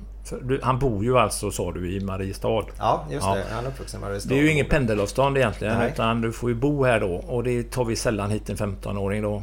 Vilken ålder pratar vi om Ja, då? Då, då, då får han nog komma när han börjar gymnasiet då. Ja, det är 16 Eh, då. ja, precis. Så då, Då är det en 16-åring som bor i Nej, men, Mariestad. nej, men eh, Ja. vi hittar dem säkert som 15-åring. Ja. Ja, eller 14-åring. Och då har vi ju det att de kommer med oss och tränar då. Mm. på sommarlovet och sådär va. Så att de, vi håller kontakten. Så de kommer då de lediga i skolan kommer och tränar med oss. Vi håller en jättebra kontakt. Mm. Fram till den dagen som man kan flytta hemifrån då. Ja. Och då kan man komma till oss i så fall som när han börjar på gymnasiet då. Ja. Som 16-åring då. Mm, precis. Eh, Eller så är det spelare som vi hade som... Eh, Mattias Bjärsmyr exempelvis. Han, han eh, och även Kalle Björklund. Nej, eh, inte, inte, nej, nu blandar jag ihop det här. Ska vi se... Ja, ta Bjärsmyr då. då. Mm. Han, han spelar ju i eh, Huskvarna spelar han. I A-laget där. Och han var med i Norrlandslaget. Bodde där då i Huskvarna Jönköping. Han var här också varje lov från det han var 15. Var med och tyckte ju bättre han är kvar där. Han hade det jättebra där. Mm. Spelade A-lagsfotboll. Spelade i Norrlandslag. Så han kom ju hit när han liksom istället blev första senior så att säga. Så man behö, de behöver ju inte komma hit alltid va, utan de kanske har det kanonbra. Mm. Men det, grejen är ju att ha kontakten och visa hur bra vi har det. Så när den dagen de ska välja så väljer de oss. Ja, okej. Men har ni- har ni pejling alltså uppe i Norrland, nere i, på Gotland eller? Ja, vi har ju haft så faktiskt i många år nu. Ni Tillbaka hela Sverige. scouter ute som flyger omkring? Ja, vi har, ju, vi har en fyra, fem eh, egna då som de är inte anställda på något sätt utan de åker runt och Olle Sultan heter han som har Ja, kontroller det är på det. dem och så skickar de runt dem till olika matcher då. Jag ser ju mycket pojklandslag, juniorlandslag, men ser även eh, ja, andra matcher om vi får tips om någon. Kan vara ett A-lag någonstans, så spelar någon 15-åring Mm. i lägre division. Så åker de runt och tittar då. Sen får vi mycket tips också i och för sig. Men vi har ju sagt att vi ska inte värva någon spelare, ung spelare, utan att han varit hos oss och först. Nej, så man lär känna in, dem ja. också. Så att inte bara värva någon som man har sett. Utan. Nej. Då är det vi pratade om förut lite. Ja. Lära känna dem som personer också. Då. Mm. Ja, det vet jag ju här i Göteborg så har ni mycket inbjudningsträningar till talanger. Mm, ja, precis. Att lära känna dem och se dem i action och hur de är som individer och sånt då. Ja. Och sen tycker ni att det är bra att de kommer till er någon speciell ålder eller eh, är det bara sådär att vi får se vad som händer eller? Ja. Alltså, det var ju det vi sa om de bor långt borta. Då får de ju vänta då. Va? Men göteborgare nu? Ja, göteborgare. Nej, vi har ingen ålder så. Utan man får ju titta mycket på hur de har i sin klubb. Liksom. Mm. För de kanske har det jättebra. Mm. Med eh, träning och... Mm. Ofta, ofta är det så idag alltså. Jag kan inte säga att det är 90% men nästan.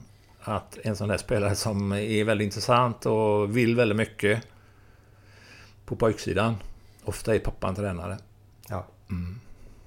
Och, och då är det en ganska bra situation för då eh, är ju pappan mån om pojken och alltså det, det går nästan att göra fel på ett sätt. Och då blir det bra dialog ofta med både klubben och familjen och spelaren. Då. Och då kan han ju vara kvar i klubben om, om, om de har bra träningar och han kanske får spela A-laget ganska tidigt. Och Det kan ju ibland vara bättre än att komma till oss då. Men sen kan det vara andra situationer de inte har det så bra i klubben. De kanske inte har någon tränare som tränar tillräckligt mycket med dem eller vad det kan vara. Men finns det typ så att säga, tendenser? Men eh, så, kan man se någon skillnad? Eller Att, eh, är det mycket i den här åldern då säger vi 14 till 16 här någonstans? Finns det massor av sådana talanger i Göteborg eller kommer de flesta utom, utanför stan eller? Eh, ja, alltså det håller på. Det händer väldigt mycket i fotbollen nu. Det går, det går väldigt snabbt nu med allt sånt här. Och, och eh, det finns många i Göteborg, ja absolut. Eh, vi har valt att titta i hela Sverige, men vi håller på att begränsa oss lite nu. Vi, vi, vi pratar en hel del om liksom, att hålla oss till västra regionen istället här. Istället för att åka runt för mycket i landet då. Och titta på spelare då. För vi tycker det finns tillräckligt många bra i västra jag säga, Västra Götaland, eller på men det kan vara, det är ju även Bohuslän, Dalsland, Mm. Värmland och så. Va? Bit ner i Halland och in i Västergötland, en bit nästan lite på kanten i Småland också. Det, Ja. det är en region här som är jättemycket duktiga spelare, ungdomsspelare. Ja. Så vi koncentrerar oss mer och mer där nu. Okej. Jag har en annan fråga eh, som jag tänkte på nu att Rätta mig om jag har fel nu. Eh, För, för ett tag sedan så ville ni ha era eh, fotbollsspelare färdiga vid en viss ålder. Men så gick ni ut här och sa att nej, vi måste vara ett år tidigare eller någonting. Eh, har jag uppfattat det rätt då? Alltså, Nej, alltså, det är är, rätt. det färdig allsvensk individ eller hur? Eller har jag... Nej, jag vet du- inte ens vad min fråga var men du fattar vad jag menar? Ja, eller? exakt. Det är Ja. precis så vi har sagt. För att eh, det har ju, vi pratade om det lite i början på, på programmet, jag tror jag, med, med att eh, det är svårt att få upp spelare Mm. idag. Eh, till A-trupperna. Mm. För tränarna vill gärna att de ska vara färdiga. Mm. För tränarna har tryck på sig att vinna. Guld. I vårt fall. Och då vill han att de ska vara färdiga de, men det är jättesvårt att göra färdiga spelare i en ungdomssession. Det är jättesvårt att göra dem färdiga som 19-åring. va? Utan de behöver ju kanske ett år i A-truppen med, med A-lagsspelarna och träning och tempo och allt det där. Åtminstone. Men eh, det är svårt för A-lagsspelarna att ge dem den tiden idag. Ja. För det betyder så mycket, varenda poäng och allting.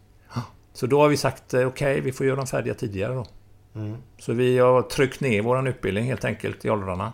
Ja, okej. Så Det är inte så mycket med elittänkande utan det är mer att liksom göra dem... Alltså vi har tagit ganska god tid på oss med utbildningen tidigare men vi tar ner den så vi har... Tidigare startat våran elitträning kan man säga i 18, 17, 18 års ålder. Men nu, nu startar vi den i 15, 16 års ålder istället. Okej. Mm. Elitförberedande träning. De är ju inga elitspelare men Nej. förbereder dem för eliten då. Ja. Så vi har tryckt ner det lite då för att de ska vara i alla fall mer färdiga när de är 19 än de är idag då. Ja, okej. Så tränaren ska ha lite lättare att ta upp dem då. Bara för att jag ska förstå nu, är det svårare övningar? Vad är det man trycker ner om du förstår? Är det Ja, det, mängden? det eller? ligger lite i det du säger. Det handlar ju om tempo. Det är synd att höra. Varje gång så hör vi det. Vad är skillnaden när du går upp i A-truppen eller A-lag? Ja, det är tempot, säger alla. Men jag tycker det är onödigt, för jag tror vi kan höja tempot i junioråldern redan. Så eh, om du, om du då blir liksom tekniskt tidigare, man är ju aldrig färdigutbildad, men alltså tekniskt duktig tidigare, då kan du höja tempot tidigare. Okej, ja. Det- Man ska, ska inte höja tempot innan du har tekniken. För då blir det dålig fotboll i högt tempo. Det är meningslöst. Utan det ska vara bra fotboll i högt tempo. Va? I princip så att man drar ner eh, spelförståelseträning och teknikträning i åldern lite. Så att man kan höja tempot istället. Och det är ju en hel del fysträning också och styrketräning som kommer in där då lite tidigare. Då. Men höja tempot då menar du att mindre lagspel och så? Eller, Nej. eller hur, hur, hur höjer man tempot? Ja, det är klart det är ju i lagspelet. Men eh, förutom då att de ska upp i A-truppen och inte är färdiga så är det högre tempo och mer fysträning. Det känns som det är onödigt att sätta spelarna i den situationen. Så att vi, vi tar ner fysträningen lite så de är färdiga fysiskt. Eh, och vi höjer tempot på våra egna verksamheter på träningar. Så det kan du göra om spelarna är tekniskt framme tidigare. För då höjs tempot nästan automatiskt på träningen. Om spelarna liksom kan spela lättare med ett tillslag, de har bättre bollmottagningar. Du har en övning där du spelar in i mitten, ut på kanten, inlägg, springer framför mål, nickar eller skjuter. Det är klart, om alla klarar det tekniskt så kan du göra det snabbare och sna- snabbare och då är spelarna färdiga tidigare.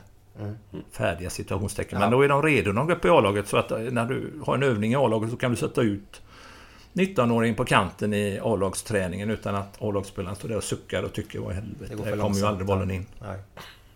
Eller hur? ja. och då, då är det lättare för spelarna att gå upp i A-truppen och göra bra ifrån sig. Även om man inte går in i A-laget direkt så i alla fall det är inget besvär för tränaren. Nej. Och det är så ni jobbar nu då? Nu försöker vi göra så ja. Ser det ut, eh, har de andra akademierna runt om i landet? Om vi tar AIK, Djurgården, Malmö, you name it. Alltså de, det är ju väldigt Tittar ni mycket på varandra? Ja, vi har väldigt bra samarbete så på ungdomssidan. Vi pratar väldigt mycket hur man jobbar. Mm. Vi har väldigt bra kontakt i, med AIK och Malmö bland annat. Då. Ja. Vi tycker ju på ungdomssidan konkurrerar inte vi med varandra så det är egentligen för att de har... Malmö har ju sina i den regionen och AIK har sina och vi har våra här va. Mm. Som jag sa, vi jobbar mer och mer regionalt här. Så vi tittar mycket på varandra. Men jag, Stockholm är ju väldigt, är ju väldigt hård elitsatsning väldigt tidigt nu. Okej. Det är ju inget vi tänker på göra här då. direkt. Vad är tidigt? Ja. Nej, det är i åttaårsåldern har de ju etta lag och tvåa lag och Okej, åtta år värva spelare. Ja. Uh, gäller det alla alltså, storklubbarna där uppe eller Mm, är det det... BP har jag har hört i alla fall, sen det stämmer Mm. vet jag inte. Men de är ju ganska tidiga med att sätta dem i nivåer då som det Mm. heter. Eh, så fint.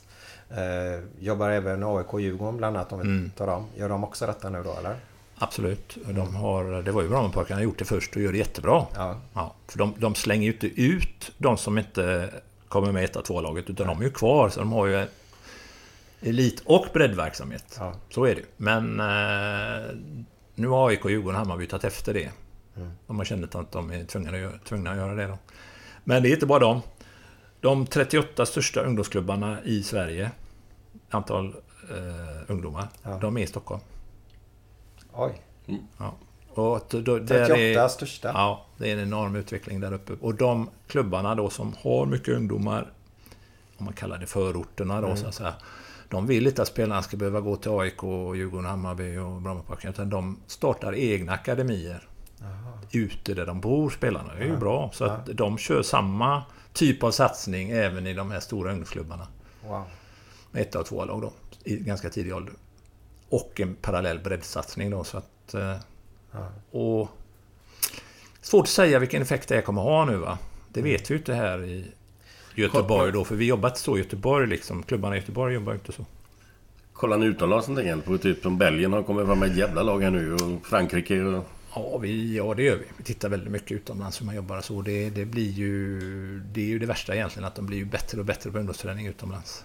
Hela världen nu. Det satsas ju jättemycket på akademier så. Hela världen nu. Man märker ni någon stor skillnad liksom vad ni Ja. håller på med och vad de gör? Liksom? Vi, Eller vi är har det om gjort, vi har pengar, eller? ja, precis. Vi har ju gjort det tidigare för vi, när vi är utomlands och tittar på dem så har vi ju sett att de gör det inte bättre än oss. Men nu är det... Nu börjar det... Nu får vi passa oss lite för nu, nu är de duktiga. Mm. Satsar oerhört mycket på att ta fram spelare. Och har ju fler experter och fler heltidsanställda spelare. För detta A-lagsspelare blir heltidsanställd och... Så det handlar lite grann om ekonomi det här också antar jag? Ja, det gör ju det att de kan få riktigt bra ungdomstränare. Hur mycket lägger ni ner i ekonomi på akademin om man säger varje år? Alltså, det, där är olika siffror som cirkulerar. Men eh, akademin på Kviberg, den Mm. kostar 6 miljoner Okej. per år. Och på Kviberg snackar vi upp till 16 år sedan, Ja, eller, 17. Ja, till och med 17 är det. Men det är ju en del 16-åringar. går ju upp till Kamratgården eh, lite tidigare då. Ja. Så? Men eh, det är upp till 17 har vi där. Ja. Sen är ju då eh, 18-19-åringar, men en del 17-åringar och de 16-åringar är ju U19-gruppen på Ja. Mm. Kamratgården tillsammans med A-truppen då. Och den delen som är på Kamratgården där, eh, U19, där kostar 3,8 miljoner. Ja, För det har en del kontrakt och de åker utomlands på cuper och betalar allt för spelarna där. Va? De tränar väldigt mycket och sådär. Så att eh, det kostar då det är den summan där. Va? Ja, så ni är under 10 miljonstrecket då? Ja, men det, ja, det, alltså, det här är mycket diskussion bland supportrar här och jag förstår dem. De tycker det fan kostar så jävla mycket och det kommer inte fram någon spelare. Men eh, för i, i, i vår resultaträkning, om man kallar det så, där står ju... Jag tror nästan det står 15 miljoner kostnad nu. Mm. I spalten för kostnader. Men sen tittar man ju inte i spalten för intäkter. För där har vi ju 6 miljoner intäkter, akademin på Kviberg. Ja. Mm. Och då har du, har du så att säga 9 miljoner kvar. Mm. Och då är det ungefär 3,8 då till U19. Mm. Kvarstår 5,5-6 miljoner post på Kviberg. Mm. Men det är också mycket pengar. Så att visst kostar det. Vad, vad, är det för, ursäkta, vad, vad är det för inkomster som man får då? Vi har massa kamper där spelarna betalar för att komma. Okej. Eh, kupper, eh, vi får bidrag från eh, Uefa, vi får bidrag från Svenska Fotbollförbundet, eh, bidrag från aktivitetsstöd. Vi tränar väldigt mycket så det blir rätt mycket sådana pengar. Ja, Ja. det är intäkter på 6 miljoner. Mm. Vilket är bra. Det är mycket för en ungdomsstation att ha intäkter på så, så pass. Oh, ja. Kommer Frank Andersson eh, fortsätta tillåta denna höga kostnaden tror du? Eller höga kostnader? Jo men det är väl en hög kostnad. För mig i mina Det är öron så klart att låter det det är högst. hög eh, kostnad. Det är det ju. Det Ja. är hög kostnad. Alltså, jag har ju räknat mycket på detta. Mm. Eh, givetvis. Och eh, om man räknar med de här spelarna som blir proffs då. Från akademin då. Typ Sam Larsson och Ja. Marcus Berg och... Eh, kanske Engvall blir proffs snart och... Mm. Pontus Wernbloom. Alltså de har ju dragit in väldigt mycket pengar i försäljningar. Ja. Så egentligen spelare från akademin har ju dragit in eh, upp mot 200 miljoner på försäljningar. De Oj. senaste 12-13 åren. Ja. Men det, då kan man säga då, ja men fan de, de måste upp i A-laget först och det är väl det man ska räkna. Jag kan ju inte räkna att det är ni som har gjort det. Nej, men alltså vi skulle ju inte kunna värva de här spelarna som färdiga spelare. Vi skulle inte ha råd att värva liksom Pontus Wernbloom, Marcus Berg, Engvall eh, som färdiga spelare. Utan vi måste ju ta dem tidigt i så fall. Mm. Då kommer de i akademin så är de i akademin tre år kanske. Och går på fotbollsgymnasiet. Mm. Får åtta träningar i veckan då. Totalt. Och så går de upp i A-truppen. Och sen blir de sålda då. Efter ett par år där. Men så är det också så, om man ska förlänga detta resonemanget, att tar du upp en junior så är det billigare också. För de får ingen sign-on fee och de får lägsta A-kontraktet. Okej. Hoppas inte de hör detta nu då. Nej.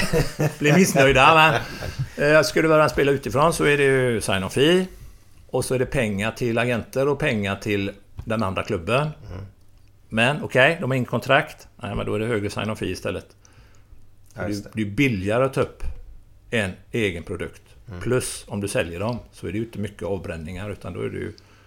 De flesta pengarna är ju rakt in i Blåvitt då. Mm. Så det är ju... Jag tror, och det, det är så runt om i världen idag att det, det är nästan en ekonomisk nödvändighet att bedriva en akademi och Mm. sälja spelare på det, på det sättet. Det tror jag det är för Blåvitt också. Jag tror det akademitänket det är en av de viktigaste in- intäktskällorna för Blåvitt i framtiden. Ja, Det är så? Du Mm. tror Så stenhårt? Om utveckling, vi vet ju inte utvecklingen på spelare... Nej. vet man ju inte med löner och övergångssummor och så. Vilken väg det tar. Men det har inte sett ut att minska i alla fall. Nej. Nej. Det blir det knappast. Nej. Så att jag tror på samma sak. Så fortsätter vi så så är det... Ja. Man får ju nästan ta, jag ska inte säga smällen, men man får ju ta ett, något år eller två då. Som det inte händer så jävla mycket kanske då. Men är alla villiga att göra det liksom? Nej, räknar man Nej, snabbt. nej, det- Räknar man lite snabbt då så har det gått plus egentligen 12-13 år. Fått in 200 miljoner för försäljningar där. 4,5 miljoner plus per år om vi räknar så. Ja. Men det, blir, det är så dumt när jag går ut och säger detta för det blir man talar egen sak då. Så det är inte så många, inte alla som tror på det. Nej men jag bara säger det. Så att det, det är svårt för mig att gå ut och prata om det. För man kan alltid säga si och så. Ja, men de är uppe i A-truppen först och det kostar alla pengar. Ja. Men så är det i alla fall. Ja, jag tycker det är jättebra här för här får du ju berätta och jag Mm. Ja, det är fattar bra. Mm. jättebra nu som jag inte har gjort innan. Så det är skitbra. Sen ska du med A-laget att spela också. och Ge A-laget framgångar också. Inte bara pengarna då. Men... Nej. Men de, men de instruktörerna ni har på skolan där, hur väljer man dem? Liksom, hur, De är ju... Eh, I unga år så är det en del föräldrar. Ja. Ungefär vartannat lag är förälder då. Men de har ju spelat fotboll och är duktiga tränare. Sen är det några som inte är föräldrar som ändå vill... Har en egen karriär kanske som att bli tränare och vill börja i IFK och vara tränare för ungdomslag. De är jätteduktiga många av dem. Många är ju typ uh, unga då, kanske fått en korsbandsskada när de är 20-22 år och orkar inte fortsätta längre och vill bli bra tränare istället. Och så söker de sig till oss och sådär. Sen har vi heltidsanställda från 17 år då. 17 år, okej. Tränare då. Så Eli Björkman är ju heltidsanställd och så Thomas Olsson är U19 då. Mm. Så vi är två halvtidsanställda också på de grupperna då. Men jag bara tänker så här. Ni sa att ni skulle gå neråt i åldrarna med er elitsatsning då. För att Mm. ha spelarna färdiga tidigare. Eh, har ni tänkt på att ni ska anställa tränare egentligen från 15 år då? Eh, eller är det föräldratränare som är 15, Nej, 16? Det är föräld... väl... Nej precis. Föräldratränare från... Har vi upp till och med 13 som längst. Mm. Och vi har tanken som du säger ja. Att vi ska anställa... Vi har, våran U16-tränare är, är vad ska jag säga, 30% anställd då. Mm. Så vi vill nog från ungefär 15 ja. Ha heltidsanställda då. Mm. Men det kostar ju pengar. Är Niklas kvar fortfarande eller? And- Alexander? Alex Andersson är ju eh, fotbollstränare på våran Änglagårdsskola som vi har där. Så där tränar han ju spelare från många klubbar. Men även då eh, ungefär hälften av IFKs ungdomar går på skolan där. Från fjärde klass då. Så då tränar han dem också med, tillsammans med Hasse Palmqvist som också är, varit i IFK Gamla och vart där, Häcken. eller vart där, Häckengubbe. Precis. Nej. Macke, Macke. Macke. Det är bara lite charmigt med lite Det- doggar i bakgrunden. Han är en vaktande hund, den där lille Ove. Men han var snäll. Hunden ja. Ja. Absolut. Han inte fick någon bulle av dig. Nej, han var jättesnäll. Jag sa nog något dumt nu antagligen. Jag skällde på er. Ja, något var det. Ja, något var det. Något var det. Nej, vi har lite yrkesmålare på utsidan, står och målar och de bygger ställningar och till grejer. Så, Ja, ja, ja. ja, så kan det gå. Men jag har eh, där eh, en annan grej som inte har med detta att göra överhuvudtaget. Så vi kommer tillbaka till det för jag tappar ju nu när hunden sprang här. Men jag har en grej jag måste fråga dig innan eh, programmet tar slut. Det är att jag har i mitt huvud att en grej som du gick ut och ångrade jättemycket. Nu är vi tillbaka på, jag vet inte vilket år det var, 93 kanske. Eh, på Gamla Ullevi. Det var en match där, där vi, säger jag då, Blåvitt, fick ett mål bortdömt för offside. Ja, just det ja. Och det blev... Jag kommer ihåg att säga det var ett skott mot målvakten som släpper retur och så en Blåvitt-spelare, kommer inte ihåg vem, slår in returen. Sen man ser på reprisen så står han i offside-läge när skottet går, har jag för mig. Eh, och du reagerar jättestarkt. Eh, publiken reagerar jättestarkt. Och så, om inte jag har helt fel så blev det väl till och med massa bråk på stan och vältade bilar och lite grejer. Eh, Kommer, vet du, du vet säkert vad jag Ja, nej, det var kan så. du berätta lite Nej, jag, minnet som sagt var eh, är ju inte hundra längre men... Men eh, det var ju en kvalmatch eh, till Champions League va? Ja, det är mycket möjligt. Jag kommer inte ihåg exakt ja, så. Och vi... eh, Det var ett mål där ja. som man kan diskutera faktiskt. Mm. För, för han som sköt in målet var ju... Han som sköt skottet var ju längst till vänster. Mm. Jättelångt skott var det. Och han som var offside, han var allra längst till höger. Mm. Och sprang in i banan och påverkade han spelet? Det var en sån diskussion. Mm. Påverkade han spelet när han var offside? Va? För det har ju varit mycket diskussion. Så. Ja, skitsamma. Men det blev vi irriterade, ja. Det var ju det då. Och sen, men sen var det så här att eh, någon i publiken kastade in en flaska på plan. Okej. ja. Det dumma var att då gick jag ut som tränare där och skulle hämta den då. När domaren inte såg det. Liksom bakom det skulle jag bara hämta den så att det skulle bli något stopp i spelet eller något konstigt som det ja, kan ju bli Ja, ja. avbrutet. Det. Kanske var bra den gången. Men eh, så, och precis då så pekar ju en spelare andra laget. Kolla där, kolla där tränare. Så domaren vände sig om och såg mig på plan där. Då blev jag uppslängd på läktaren direkt där givetvis då. För jag var ute på plan som tränare. Det var inte så jättebra. Nej, jo, skulle Men det var en ganska grej. normal det gick inte reaktion, förklara. Nej. inte förklara Nej. det. Nej. Och då blev det ju livat ytterligare då. Okej. Det var väl någon, jag tror inte det var så, det var en bil tror jag på parkeringsplatsen som de välte. Men det blev lite kött ja. Det ångrar jag att jag gick in på plan där. Jo men det ska väl för fan inte behöva göra ballen Nej. på utsidan bara för att du Nej, in på men det var inte bara det, men De det- får det är ha någon klart. jävla sans och Nej, balans ja. själva eller? Nej, det är klart. Nej, men du gick Men som ut- tränare, man har ett visst ansvar. Ja, gick du ut nu? För jag har försökt berätta det för kompisar och sånt och ingen kommer ihåg någonting. Mm. Eh, Men gick inte du ut i TV och bad lite om ursäkt eller någonting? Jo, det gjorde jag. Du gjorde det ja. Mm. ja. Var, du bad om ursäkt för att det blev som det blev eller vad var det? Nej, det var nog det att jag uppträdde som jag gjorde då. Det Ja. ju, har ju viss betydelse ändå. om man- Mm. Som tränare man gör. Det är klart, är du livad på bänken, eh, gestikulerar och håller på då. Det är klart det påverkar publiken. Blir ju ännu mer arg då. Mm. Ofta. Mm. Så det tar jag på mig där att det, Men då hade jag rätt alltså. Det har hänt. det har hänt. Ja, jag har för mycket målarpolare som eh, kör tinner tydligen. Jag kommer inte ihåg så mycket gör de inte. Så, men då hade jag rätt där. Det var helt rätt och vi fick ett straff Blåvitt också. Vi spelade första hemmamatchen i kvalet året efter på bortaplan. Vi spelade Norrköping, kommer jag ihåg, mot Fenerbahce. Okej. Då var inte jag tränare men de gick vidare ändå där till. Så det löste sig. Till det var bästa. bra. Ja. Glenn, jag har hört en grej till om dig. På tal om språksvårigheter. Samma snickare då frågar mig. Fråga Glenn när Helena, när var när ni bodde i Liverpool. Fråga henne hur det gick när hon skulle köpa en klänning eller någonting. Och jag... Nu är vi där igen. Ja, jag har inte hört detta heller. Och han säger bara så här till mig. Inga info överhuvudtaget. Utan han sa bara så. Fråga Glenn hur det var när Helena Ja, men det var så här, när vi hade skrivit på, eller jag hade skrivit på för Liverpool så var vi ute och käkade på kvällen och då hade vi varit ute och shoppat lite på dagen inne i Liverpool. Och så kom vi till den här italienska restaurangen och så Kenny Dalglish och Peter Robinson och någon till John, John Smith sa han inte, någon president. Och så jag och Helena då. Och Sven-Olof Håkansson. Och så snackade de lite, vad har ni gjort i eftermiddag? Så här, ja, varit ute och shoppat lite så hittade ni något fint då? Yes, svarade Helena då. I found a nice dress with a lot of pricks on. Det är inte så jättebra. För Pricks på engelska betyder ju kuk. Okej. Det heter ju dots. Det är alltså prickar heter dots, inte pricks. Det blir värre och värre. Pricks, det är, det är inte bra. Det är inte bra. Så det var, om det var den du tänkte på? Ja, jag vet ju inte. Nej, men det var det jag ska förmodligen. fråga honom Det om var det förmodligen. Ja. Ja. det är inte lätt med språk alltså. Nej, det kan gå åt helvete. Men det är lite roligt med fotbollens språk. Alla kan det.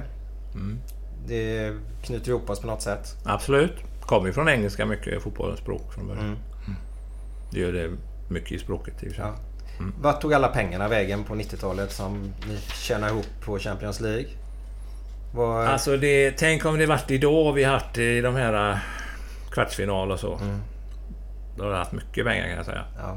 Vad ger en Jag kvartsfinal tror det var... Ja, jag vet inte. Men då, då hade vi 105 miljoner på banken. Ja. Men idag hade det ju varit en miljard tror jag. Säkert. Men äh, ja, det var ju mycket pengar då. Mm. Ja, vi nådde inte de framgångarna på samma sätt som tidigare och eh, ja, det var fler klubbar som blev duktiga och alla. Det, det kom Bosman-regeln och vi tappade lite intäkter på spelarförsäljningar som gick som Bosman istället. Utan vi fick ersättning och det blev även så med spelarna att de måste inte komma till Blåvitt för att komma ut i Europa utan man kan ju gå från ett superettalag rätt Ja. ut i Europa om det var så. Va? Så det var ju inget nödvändigt längre. Då, det, vi tappade våra modell lite där och gjorde slut på lite pengar och på spelarvärvningar och sådär. Bland annat. Ja, en liten historia med det också för att eh, Rosenborg tog ju över lite då som skandinaviskt lag ute i Europa då. Eh, och så gick det sämre för oss. Så, och, och så efter några år när Rosenborg varit, varit jätteduktiga så ringde de oss. Kan vi komma till studiebesök till er? frågade de. Rosenborg då. Ja, det kan man ju göra. Jag tänkte, jag ska de... Ja, vi ska kolla hur man inte ska göra. Sa han så? Nej. Så de skulle kolla oss och se vad de inte skulle göra för de tyckte vi hade liksom slarvat bort både pengar och framgångar. Ja. Så det var ett gott studiebesök. Så de kom hit och frågade oss vad vi hade gjort för fel då. Alltså de kom. Och det kanske man lär sig en del på det också. Ja men egentligen så har de ju lite rätt i det. Om vi Ja, ska... det, hade, det, hade, det var jättetrevligt så det var inga problem. Men det är lite annorlunda då. Ja, Sådana- säga det för vi kommer på studiebesök. Vi vill se vad ni... Ja men det var väl så också att det var en del spelare som, inte, som, som var jävligt bra när de kom hit. Fast som inte gjorde det riktigt. De lyckades inte här. Men de var jävligt bra innan de var i Mm. olika klubbar. Jag tror det Ja, blev vi hade behöver inte nämna några namn men det var ju en kille som hette Christian Karlsson som... Mm. Han var ju grym både i Trelleborg och Malmö. Sen när han kom Blåvitt, det hände ju ingenting. Jag tror det var väldigt mycket att Blåvitt var lite på nedgång va? Ja, och ja. det blev väldiga förväntningar på de här nyförvärven. Ja, det var för stor press ja. Mm. Nu ska vi vinna guld igen blev det va? Och så fick de det ansvaret. Nyförvärv. Hjälpa vinna guld. Och så kanske det börjar lite knackigt och förlorar matcher och så tappar de självförtroendet och så blir det ett jävla kött då. Ja. Men vet- var det 8 miljoner från honom va? Jag kommer inte ihåg pengarna. Nej, inte det tror jag inte var så mycket för honom på den Ja, tiden. Robert Andersson då? Var ju Han var ju den där. Han något sånt där Ja. tror jag. Mm. Så där har man ju akademi ett helt år. Ja, precis. Men så gjorde han mål mot Glasgow Rangers borta och så gick de ju till eh, Champions League-grupp. Det var ju alldeles i början när han kom va? Mm. Det var ju nog 96 då va? Komla från Halmstad. och Halmstad ja. Ingblad var ju tränare. Kände väl till honom. Ja, ja. Men eh, nej, det, var, det är inte lätt det här. Nej. Ja, pengar är svårt men Ja. många blir ju väldigt... Det finns ju många företagsledare som gått in i idrottsföreningar och Mm. Ballar ut helt och bara blåser föreningen då. Mm. Ehm, Det är konstigt att det blir så men man vill ha framgång. Kan det vara det? Eller har man pressen på sin supportrar hela tiden att det är nu vi ska ha framgång, inte om ett år? Ja, jag tror det ligger lite i det, ja. Lite mer än förut att man måste vinna då.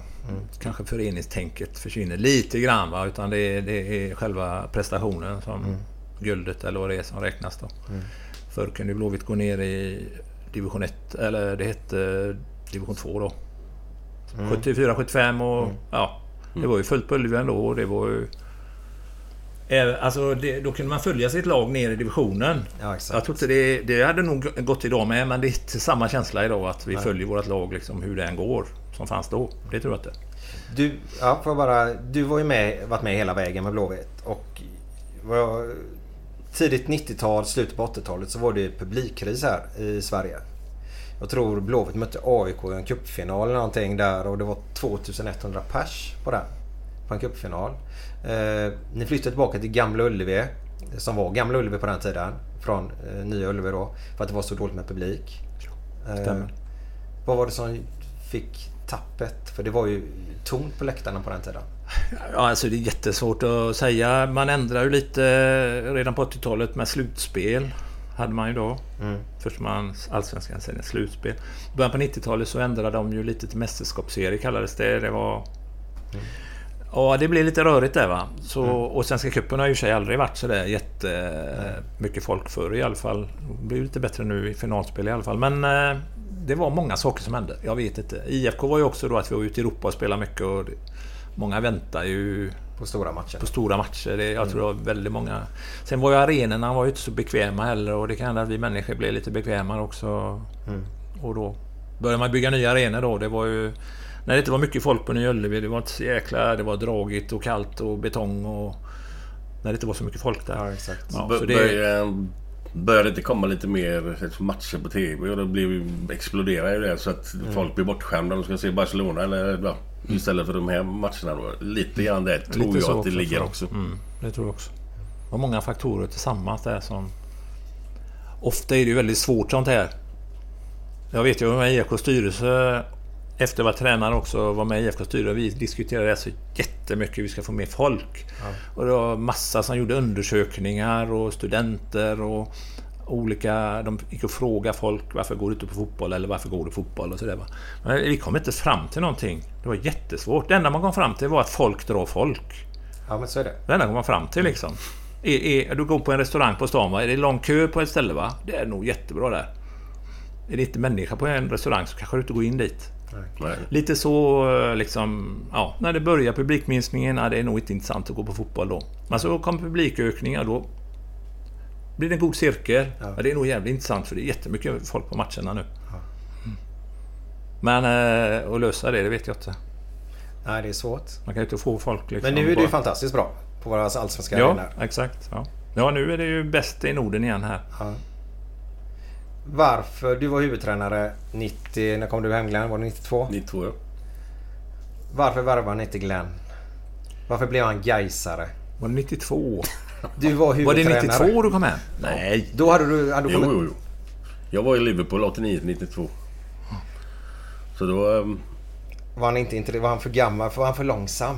När hade ju Jocke Björklund. Ja. Ja, vi hade ju Jocke Björklund så det var bara att... Spelar lite bakom Glenn där. Ja. ja, men vet du hur det gick snacket? Ingen inget- aning faktiskt. Det vet jag faktiskt, ärligt talat. Inte Nej, jag, jag, har ingen aning. Vad jag kan tänka mig var att vi hade mittbackar. så Ja, ja, att, eh, att vi la pengarna på de positionerna vi behövde. Det är det enda jag kan tänka mig. För det var ju inte kvaliteten tror jag inte. Ja, men jag fick ju ett ganska tidigt bra kontrakt av Gais men det skiter sig själv. De står på utsidan och målar där. ja, precis. Mm. Ja, jag det var mycket som lovades där men det var inte mycket som stämde. Vi hade ju sam, lite samma med Stefan Rehn. Det blev också rätt så, sådär. Varför värvade inte han? Liksom, han gick ju, kom ju hem till, gick till Djurgården istället. Mm. Den... Men Det var också en miss av oss på ett sätt, men det var ju inte för att han var gammal utan vi var lite sena där liksom. Ja. Ringde han för sent helt enkelt. Det kanske var samma med dig. Jag vet. Ja, ja. Vi hörde av oss för sent. Det var en annan klubb som var piggare och tidigare. Och det, det gäller ju ofta att bearbeta... Ja, nu går det så snabbt ändå, men på den tiden var det att man bearbetade spelarna ganska länge. Men jag tänker så här, om man är ute som proffs sådär och ska hem igen. Så, ja men jag vill spela, men säg Blåvitt då. Slår man, eller är det, är det för girigt att slå en signal själv och säga jag ska hem nu, är ni intresserade att ta mig till laget? Jag har andra anbud också men varför gör man inte det som spelare? Nej, det skulle jag aldrig falla med. Det är så? Nej, nej, nej. Ringa upp någon och tigga. Man Nej, dit? inte tigga, inte tigga. Nej, men bara, bara för, förklara. Nu kommer jag att avsluta säsongen i maj här säger vi. Och då ska jag hem till Sverige. Bara så ni vet om det. Är ni intresserade så får ni höra av er. Och... Det är ju upp till var och en. Jag skulle aldrig göra det. Det är, Nej, det är nog ingen som gör så. gör det. Det det är vet inte det. Nej, det är inget bra utgångsläge för Nej. någon. eh. Men, men det sam... nästan. Va? tror jag inte. Det var nog mer lite i, i tidningarna så. Ja. Nej men, eh, i, men i, idag kan man ju göra på ett sätt via agenten då. Ja.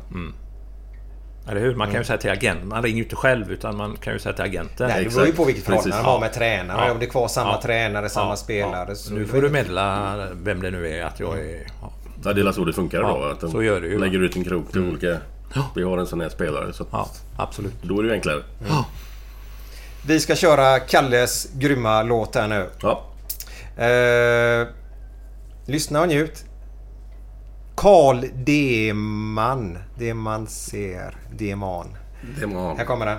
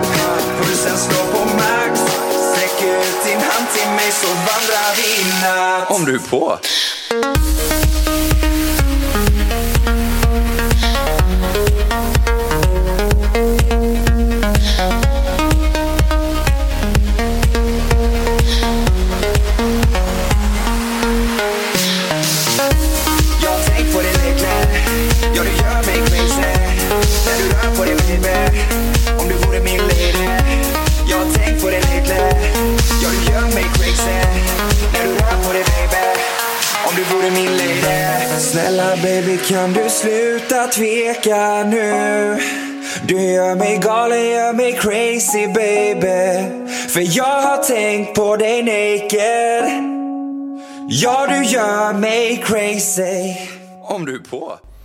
Du Roger, jag tänkte på en sak bara. Det är mycket, eller nästan allt kretsar kring fotboll i ditt liv. Liksom. Har du, har du haft något annat intresse någon gång? Eller har du spelat någon annan sport? Eller när du växte upp och sådär?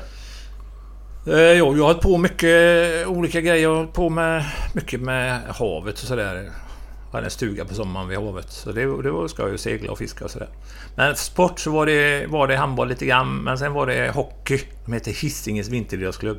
Och det var jättemånga hockeyklubbar på den tiden. Det var utomhusrinkar. Jag är gammal va? Det var utomhusrink, utomhusrinkar och de hette Kometerna och Fyren och allt möjligt på Hisingen där.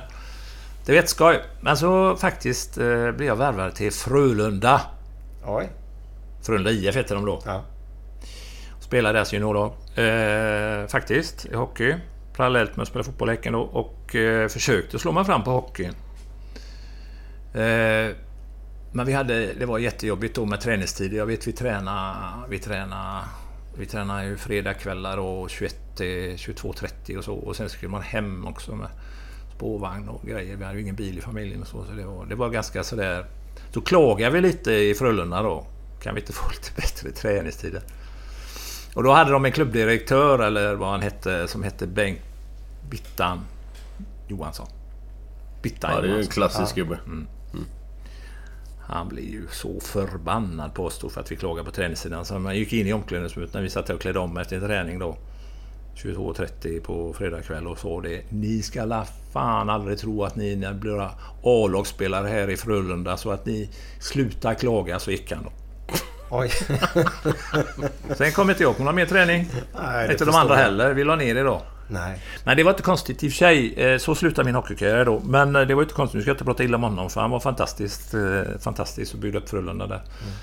Tillsammans med Anders Bergman på den tiden bland annat Mm, innan. mm, mm. Men det var en sak. Men bara just att... att det, det, det är ändå ett, ett, ett minne som jag hade då från, från hockey. Mm. Sluta. Vi slutade abrupt. Men på den tiden var det inte många göteborgare i Frölunda Hockey ändå. Okej. Ja, jag vet Torbjörn, jag snackade med Torbjörn Nilsson en, en del sådär om vad han gjorde. Han spelade hockey också när han var ung. Ja, ja. Men han hade, han hade en jävligt taskig tränare. Så han slutade med hockeyn bara för att tränaren var alldeles för... Om man var för tuff eller vad det nu var, det vet jag inte. Så att det löste sig själv liksom. Han valde fotbollen istället. Och han kanske har blivit lika, lika bra i hockey, vem fan vet. Men, Han kanske fick gå och hämta honom i omklädningsrummet men det var nog tur att han valde fotboll tror jag. Ja. Du, jag tänkte tänk på en annan sak Roger här. Du, du är ju du är i fotboll dygnet runt här nu. Kan du slappna av någon gång från det? Eller, eller har du, andas du fotboll Ja, dygnet nu- runt? Eller hur, hur går det? Ja, nej men nu har jag ju blivit som sagt var pappa på gamla dagar då så att eh, det blir ju mycket med barnen då. Och det är ju kul. Det är jätteroligt givetvis. Och det är ju- ska ju också följa dem då. När de idrottar också. Det är ju väldigt avkoppling att kunna stå vid, vid sidan av en match och titta utan att behöva bry sig egentligen. Det är klart man hoppas att det går bra men... Absolut.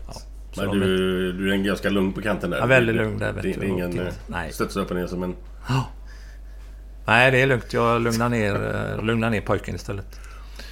Så att det är lugnt och fint. Ja, men det är, det är kul, så det, det blir mycket sånt med, med familj och barn, ja. Hur såg det ut innan då? Nej, innan var ju värre då för att eh, när jag var tränare, jag var så... Jag var ungkarl på den tiden och var väldigt... När jag tränade A-laget till exempel, det var ju fotboll som du som sagt var dygnet runt och jag... Ja, det var ju nästan sjukligt höll jag på att säga. Och det jobbade jag väldigt hårt för att... Det var tur att sluta tror jag, för jag hade nog inte orkat och träna det längre. Och det var ju väldigt mycket sådär också... Kallades skrock och liknande också. Det var ju... Jag satt, det blev väldigt mycket så. Man trodde på tur också och skrock sådär. Alltså ödet och sådär. Det blev väldigt mycket. Jag kommer ihåg, jag, jag kom nästan inte hemifrån till slut liksom för att... eh, Ja. Men gjorde... Kastrullen skulle stå där och så skulle jag... Gardinen skulle vara så och så gick runt hemma. Och sen då låste dörren och sen bilen skulle man parkera på Kamratgården. Skulle den stå där och så skulle man göra så och så och så. Shit. Så det var mycket sånt. Du är ju nära psyket i det Men det-. Det var Det nära. Det var Ja. nära så det var tur jag la ner det där. Var det kärlek som gjorde att du var nere? Nej, det var nog eh, gemensam överenskommelse i klubben där att det... Reagerar klubben på dina tics? Nej, jag berättar ju aldrig det för någon. Nej, det är ju det spelare har ju sånt också. Så att, eh, Jo, till, jo, till en viss del. Ja, ja, absolut. Men såklart som tränare... Man, man kan ju få väldigt mycket till slut. Man, För det är ju stolpe in och så trots allt vad man än säger. Va? Mm. Så att man eh, till slut kan man tro att det är... det är inte oss det hänger på utan det är Det andra. och tur och otur och kastrullen och så. Som det hänger Men på. jag säger som Ingmar Stenmark. Ju mer jag tränar ju mer tur får jag. Får jag. Ja, ja, jo, det kan väl Det, stämma. det, stämma det är det. ju så va. Men jag tror också det är, det är någon känsla av att man vill göra allt för att man ska gå bra. Så man lämnar inget åt sidan. Men så går det för långt liksom. Roger. Du ska ha ett jättestort tack för idag. Kanon. Jag så tycker mycket. det. Jag hoppas ni lyssnare har gillat det. Jag har älskat det här. Eh, vi kunde ha suttit här i flera timmar. Eh, vi har en låt till dig Roger. Och till er där ute så vill vi gärna dra i bägge nu hörlurarna. Låt han yla hunden, det är lugnt. Henke då, våran tekniker, var på väg att ta Macke i kragen. Men det är lugnt. Eh, sätt i bägge hörlurarna. Njut av låten. Sjung med nu boys där ute och girls. Skit i vad grannen säger. Njut av låten. Jag glömde en sak. Glenn kommer med en fantastiskt dålig vits efter låten naturligtvis. Så eh, njut, stanna kvar, lyssna på den. Ha det! Ha det jättegött. Ha det bra.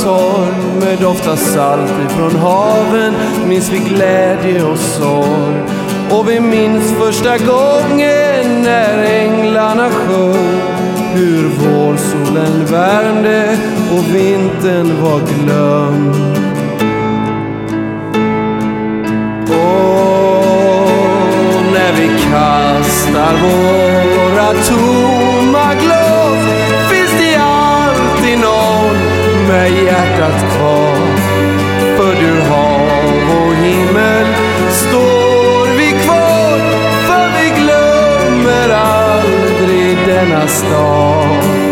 Vi såg hur du halta, vi såg hur du sprang med tårar på kinden och hjärtat i brand.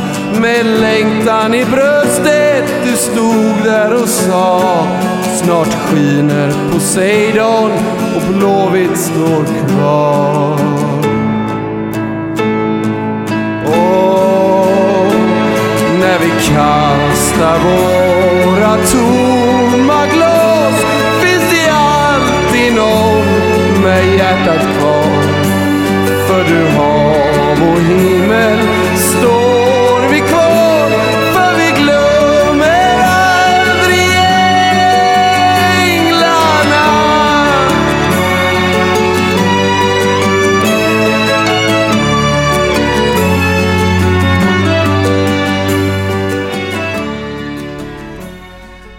var så här. Det kom in en äldre dam i en butik. Och så frågade hon om hon kunde få två knippe persilja. Och då säger butiksinnehavaren då, men snälla lilla damen, det här är ingen grönsaksaffär. Det här är en sexshop. Jaha, säger damen då. Dildo?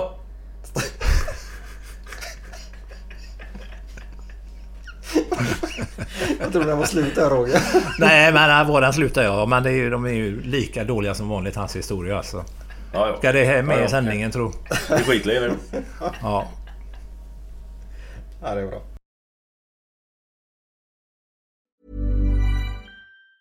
Hey, it's Danny Pellegrino from Everything Iconic. Ready to upgrade your style game without blowing your budget? Check out Quince. They've got all the good stuff shirts and polos, activewear, and fine leather goods, all at 50 to 80% less than other high end brands. And the best part? They're all about safe, ethical, and responsible manufacturing.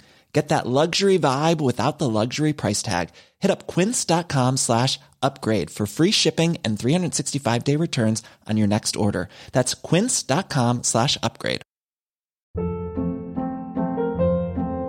Hold up. What was that? Boring. No flavor. That was as bad as those leftovers you ate all week. Kiki Palmer here, and it's time to say hello to something fresh and guilt-free. Hello Fresh. Jazz up dinner with pecan-crusted chicken or garlic butter shrimp scampi. Now that's music to my mouth. Hello Fresh. Let's get this dinner party started. Discover all the delicious possibilities at hellofresh.com.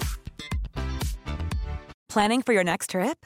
Elevate your travel style with Quince. Quince has all the jet setting essentials you'll want for your next getaway, like European linen, premium luggage options, buttery soft Italian leather bags, and so much more. And is all priced at 50 to 80% less than similar brands. Plus, Quince only works with factories that use safe and ethical manufacturing practices. Pack your bags with high-quality essentials you'll be wearing for vacations to come with Quince. Go to quince.com slash pack for free shipping and 365-day returns.